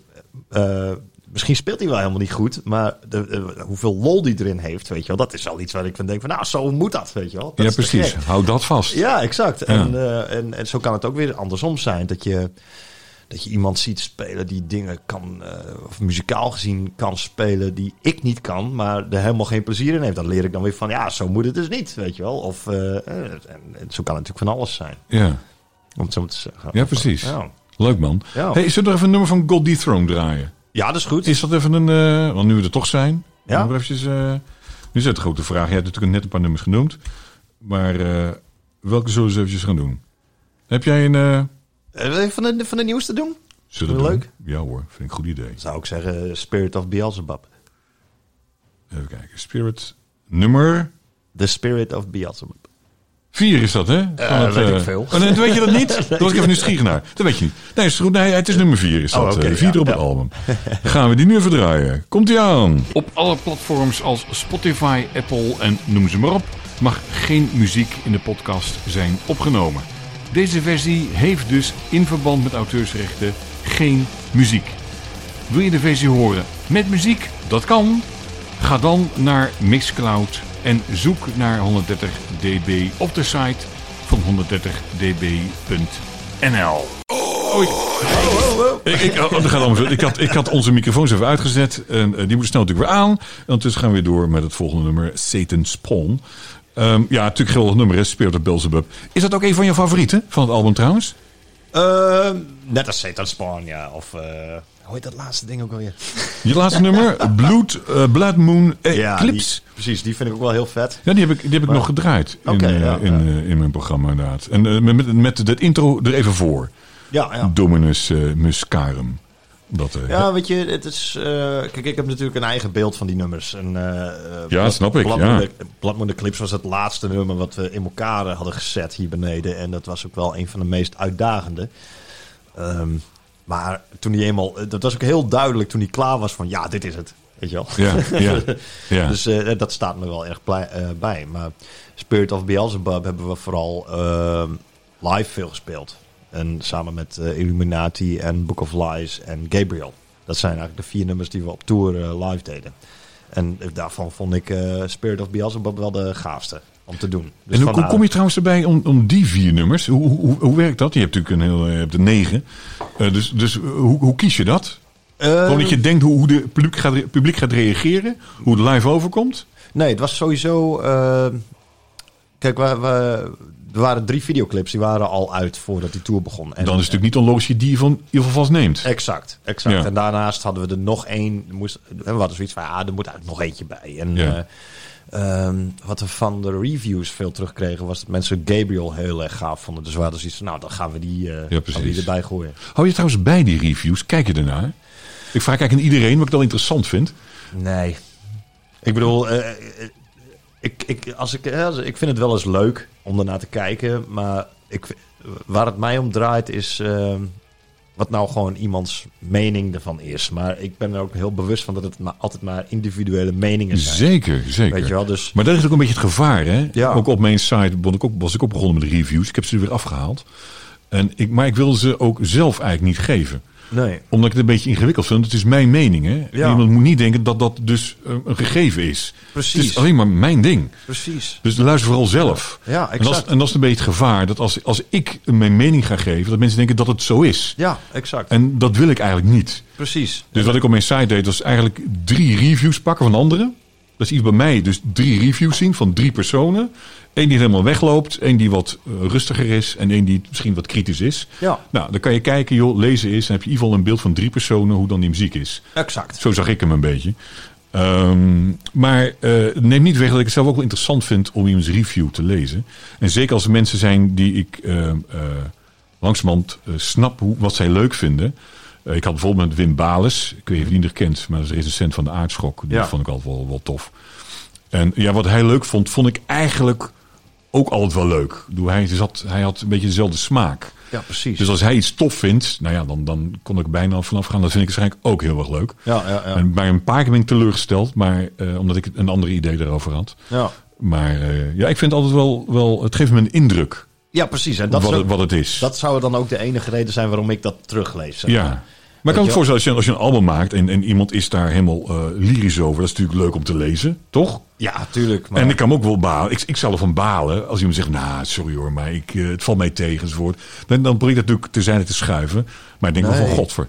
Zo denk ik niet. Nee? Nee, als iemand het een volledig klote album vindt, dan wil ik graag weten waarom. Je Tuurlijk, wel? dat, dat sowieso, ja. Ja, ja, en zeker. dat mis ik soms ook wel eens. Dat iemand zegt, ik vind het niet zo, maar dat ik wil weten waarom dan niet. Ja, exact. Wat is het punt dan? Ja, precies. Kijk, en eh, als het nou een hele simpele review is, dat heb je soms, weet je wel. Met mensen zeggen gewoon, ja, dit is kut. Punt. Ja.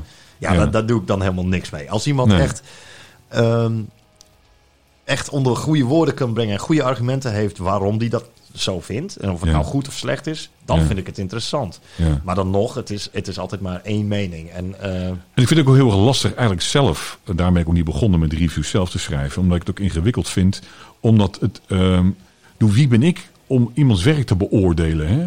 Om te zeggen, Oh. het, het is niet goed. Weet je, ik, ik, vind, ik vind elke mening telt. Maar het, het- is een beetje zo. eh, het, wordt, het wordt een beetje zo neergezet alsof een recensent eh daarboven staat. Boven andere meningen Ja. of zo. En dat, dat, dat, dat is natuurlijk eigenlijk niet zo. Nee, absoluut dus- niet zelfs. Precies. Dus eh, eh, ja, dat ben ik wel met je eens. En, eh, maar zolang mensen daar maar be- bewust van zijn, dat, dan is er niks en, aan de hand. en dat hoop je dan maar inderdaad. Ja. ja, nou, ik wel in ieder geval. Kijk, heel goed, heel Dus- goed te doen.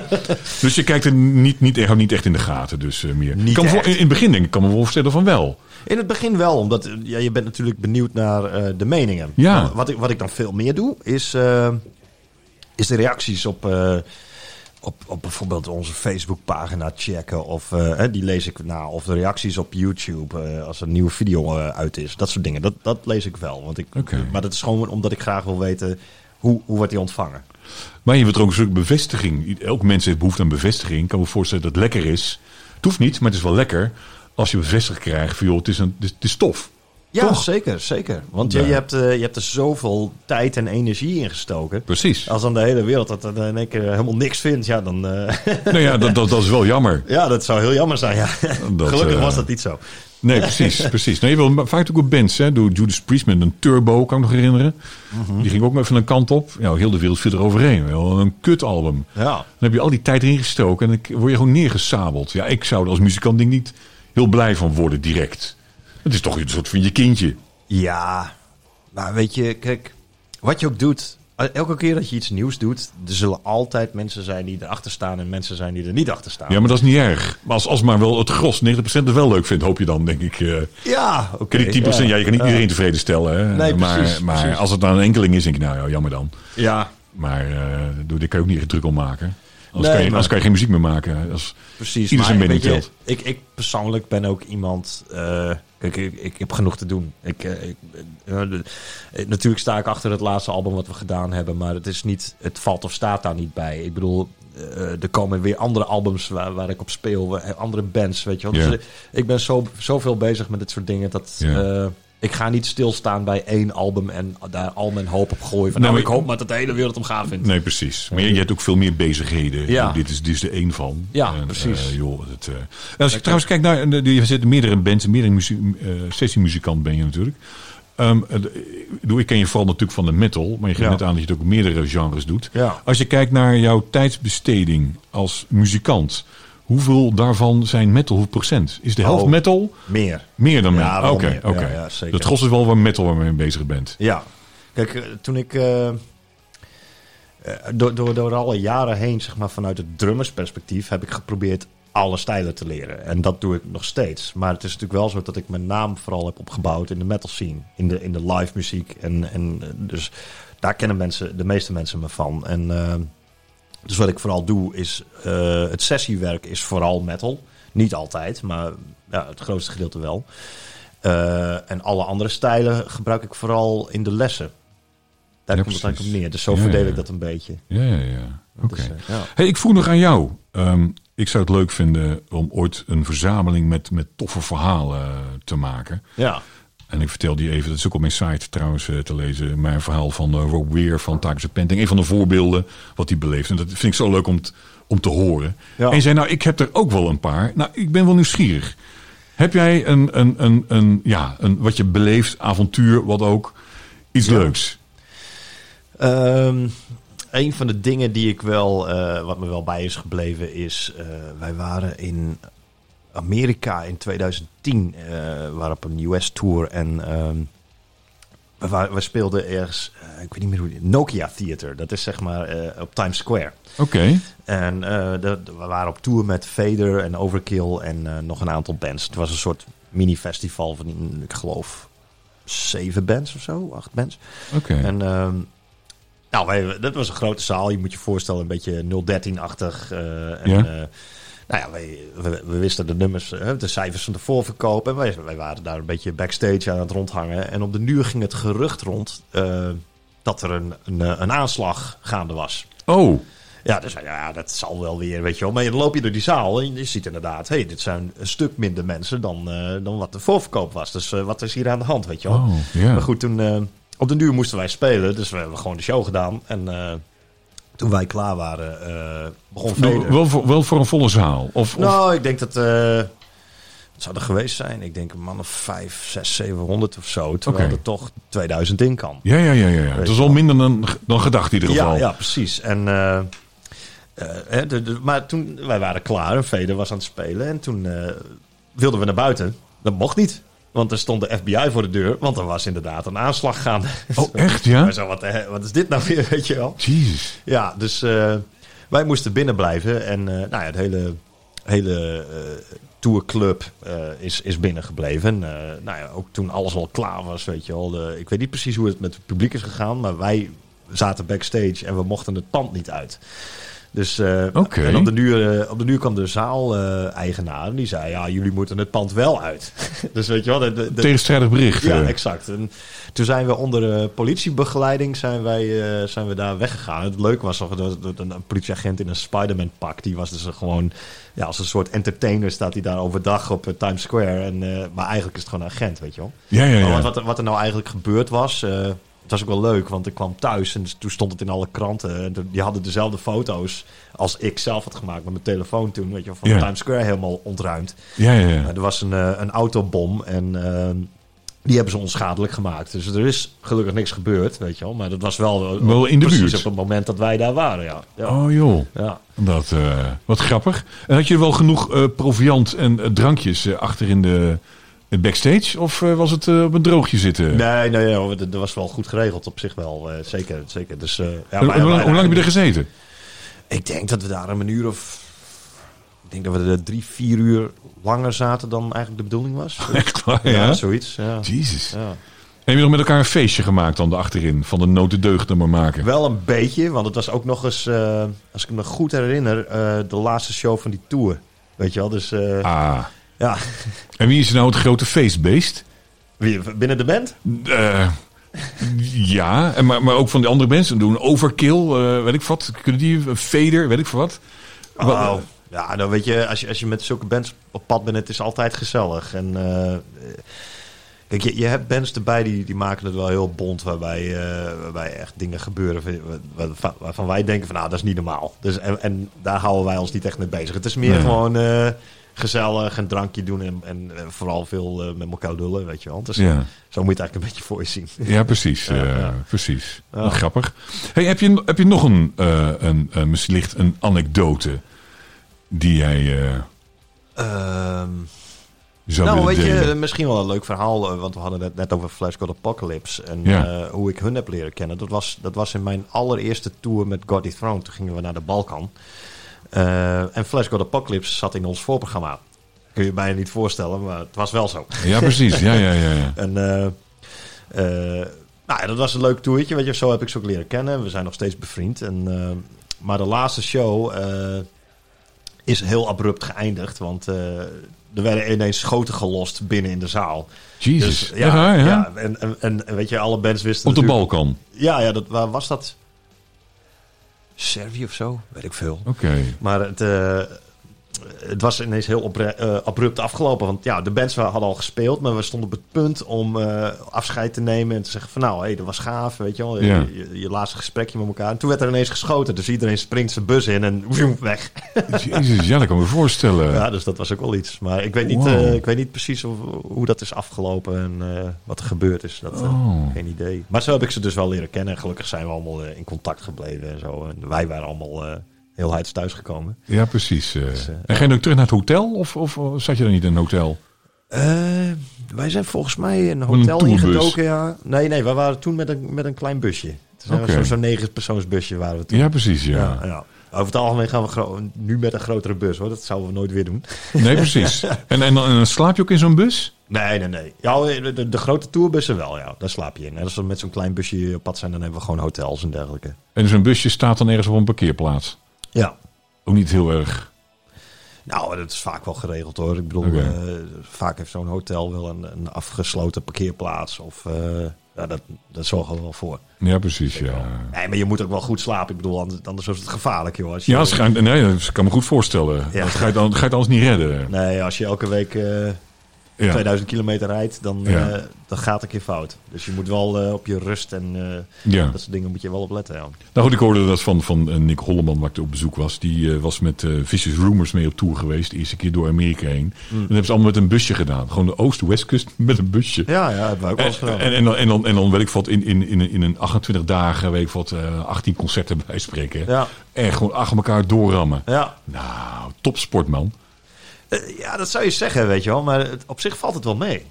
Ja? Ja, ik bedoel, het, het, het- je hoort wel van die verhalen. De tour is zo zwaar, weet je wel. En Ja? Ik heb dat nooit begrepen. Want, Nee? eh, nee, want eh, kijk, wat je doet is... Je komt aan bij zo'n zaal. Je moet je spullen, je bouwt het podium op. Nou, hoe Ja. lang ben je daarmee bezig? Twee uur zo? Ja. Twee, drie uur. En je bouwt het wel zelf op, neem ik aan. Ja, met z'n allen. Je hebt natuurlijk Ja. ook crew, weet je wel. En eh, iedereen weet wat hij moet doen. En, eh, En crew neem je trouwens mee? Of is elke zaal heeft zijn crew die even dan... eh, Nee, we hebben, we hebben zeg maar, een gedeelte van de crew nemen we mee. Dus zoals de, de, de geluidsman, de lichtman, eh, de gitaartech, drumtech. ja. Dus, eh, maar de zaal zorgt dan ervoor dat, eh, dat er ook stagehands zijn die meehelpen sjouwen. En eh, die zorgen, zij doen de catering bijvoorbeeld, dat soort dingen, weet je wel. ja, precies. Maar kijk, dan kom je aan en dan bouw je dat op. En dan ga je soundchecken. En daarna ga je weer wachten. En dan wachten, wachten, wachten. En dan moet je uiteindelijk spelen. Nou, hoe lang speel je? Een uurtje of zo. Ja. En daarna ga je weer wachten. En dan spring je weer de tourbus in. Nou, Ja. eh, En, en dat is het. Heel veel wachten Exact, vooral. ja. Ik, ik snap dat dat misschien voor veel mensen moeilijk is. Maar om het nou fysiek zwaar te noemen, nee. Nee, zijn- op zijn best eh, wat mentaal, omdat je veel moet wachten. Ja, ja, precies. Dat is het. En eh, oké, je, je hebt mensen die kunnen niet slapen in een tourbus. Dan wordt het wel heel zwaar natuurlijk. Ja, als dat vooral lang duurt, Ja. dan, heb je dan een issue natuurlijk. Ja, dat, is, dat is natuurlijk. Maar dat is dan, ja, dan, dat is meer een slaap-issue, denk ik dan. Maar Ja. om dat te zeggen, het is heel zwaar werk. Nee, absoluut niet. Dat valt allemaal wel mee. Ja, ja. nee. Oh, moet je niet zeuren. Precies. Nou, is toch wel een voorrecht, lijkt mij. Om, eh, Ja, maar het heeft natuurlijk ook te maken met hoe gepassioneerd je bent. Weet je wel, ik bedoel, Ja. ik, ik heb het veel gedaan en ik weet, het is wat ik doe en het hoort bij mij en eh, ik doe het graag en dan is het ook makkelijker. Ja, Iemand- precies. Iemand Ja. die denkt van, nou, het is allemaal rock en roll en eh, ik hoef verder geen fuck te doen. Nou, dan, dan heb je het ook verkeerd. En ja, dan, precies. Ja, ja, dan wordt het misschien wel wat mentaal wat zwaarder. Ja. Nee, snap ik. Ja. hey, we gaan er een punt achter draaien. eh, aanzetten. Tweeënhalf uur. Leuk man. Voor mij is het record. Veel te, veel te gezellig dit. Hey, ik, eigenlijk nog, eh, ja, eigenlijk nog, nog één ding. Ik zou het leuk vinden. Twee eigenlijk. Twee? Ja, gewoon twee. Nog twee dingen. Ik zou het leuk vinden om ehm, eh, dat jij iemand aanreikt die de volgende gast eh, kan zijn. Of die persoon ook wil. Dat weten we allemaal even niet. Maar eh, misschien dat je denkt, nou, die persoon zou, ik, zou het leuk zijn als hij ook in deze serie zou zitten. En dit, dat je inschat dat hij het ook leuk zou vinden. Dat is misschien wat lastig, maar eh, weet jij een naam? George Oosthoek. Daar gaan we George voor. Oosthoek. Ja, dat is de perfecte man. Ja, Ik, ik denk het ook. Ja. Volgens mij heeft ook Joost, eh, Joost van der Graaf, waar ik een paar weken geleden was, die ook genoemd. Ja. Die jongen die doet zoveel en die loopt Ja. al zo lang mee. Weet je, die, eh, die, die heeft vast heel veel te vertellen. Dat leuk. Gaan we daar naar op zoek. hartstikke tof. Hey, en dan wil ik dus eindigen. Het tweede ding, ik wil eindigen met een nummer. En wat is de absolute klapper? En je mag helemaal zelf weten wie wat het is. Waar gaan we mee eindigen, deze uitzending? Oké, dan ga ik voor iets eh, wat mij ook veel beïnvloed heeft eh, door de jaren heen. Goed om te eh, horen. ik ben ook bevriend met de- deze drummer tegenwoordig. En, Oké. Maar ook, het blijft altijd vet. Dit. En, dat is het nummer The Maelstrom Mephisto van Dimo Borgir. Die staat op Puritanical Euphoric Misanthropia. Ik ga mis de Wat een titel, hè? Ach, die is niet normaal. Maar je, je mag ze nog een keer herhalen. Ik heb zo meteen de lijst voor me staan. Dus, eh, Puritanical Euphoric Misanthropia. Dat is hem, ja. Weet je dan- dat je hoofd weet, man? Ja, niet normaal, Ja, hè? vroeger wist ik alles in mijn hoofd. Ik niet, hoor. En ik kon teksten mee, ik wist alles. Nu, je, joh, ik ben een, een ramp. vergiet. Ik ben een ramp met titels. Dat is echt Nou, ongelooflijk. deze weet je. Ja, dat zegt het. Hè? Dus, eh, En dat, eh, die is zo bizar, die weet je gewoon Ja. nog. eh. en welk nummer mag het worden? Nummer 8. The Maelstrom Mephisto. Nou, top. hey, gaan we daarmee eindigen. Superman. hey, eh, eh, ik vond het hartstikke leuk. Ik ook. Gezellig. Moeten we het vaker eh, doen? Gaan we vaker doen. Goed idee. gaan we nu even op zoek naar dat nummer. Ik heb hem inmiddels gevonden. De Maelstrom Mephisto van Dimmo Borgir. En is hier bij het einde. Yes. Dank je. Yo, Hoi. groetjes. Op alle platforms als Spotify, Apple en noem ze maar op, mag geen muziek in de podcast zijn opgenomen.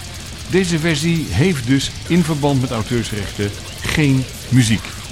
Wil je de versie horen met muziek? Dat kan. Ga dan naar Mixcloud en zoek naar 130 dB op de site van 130db.nl.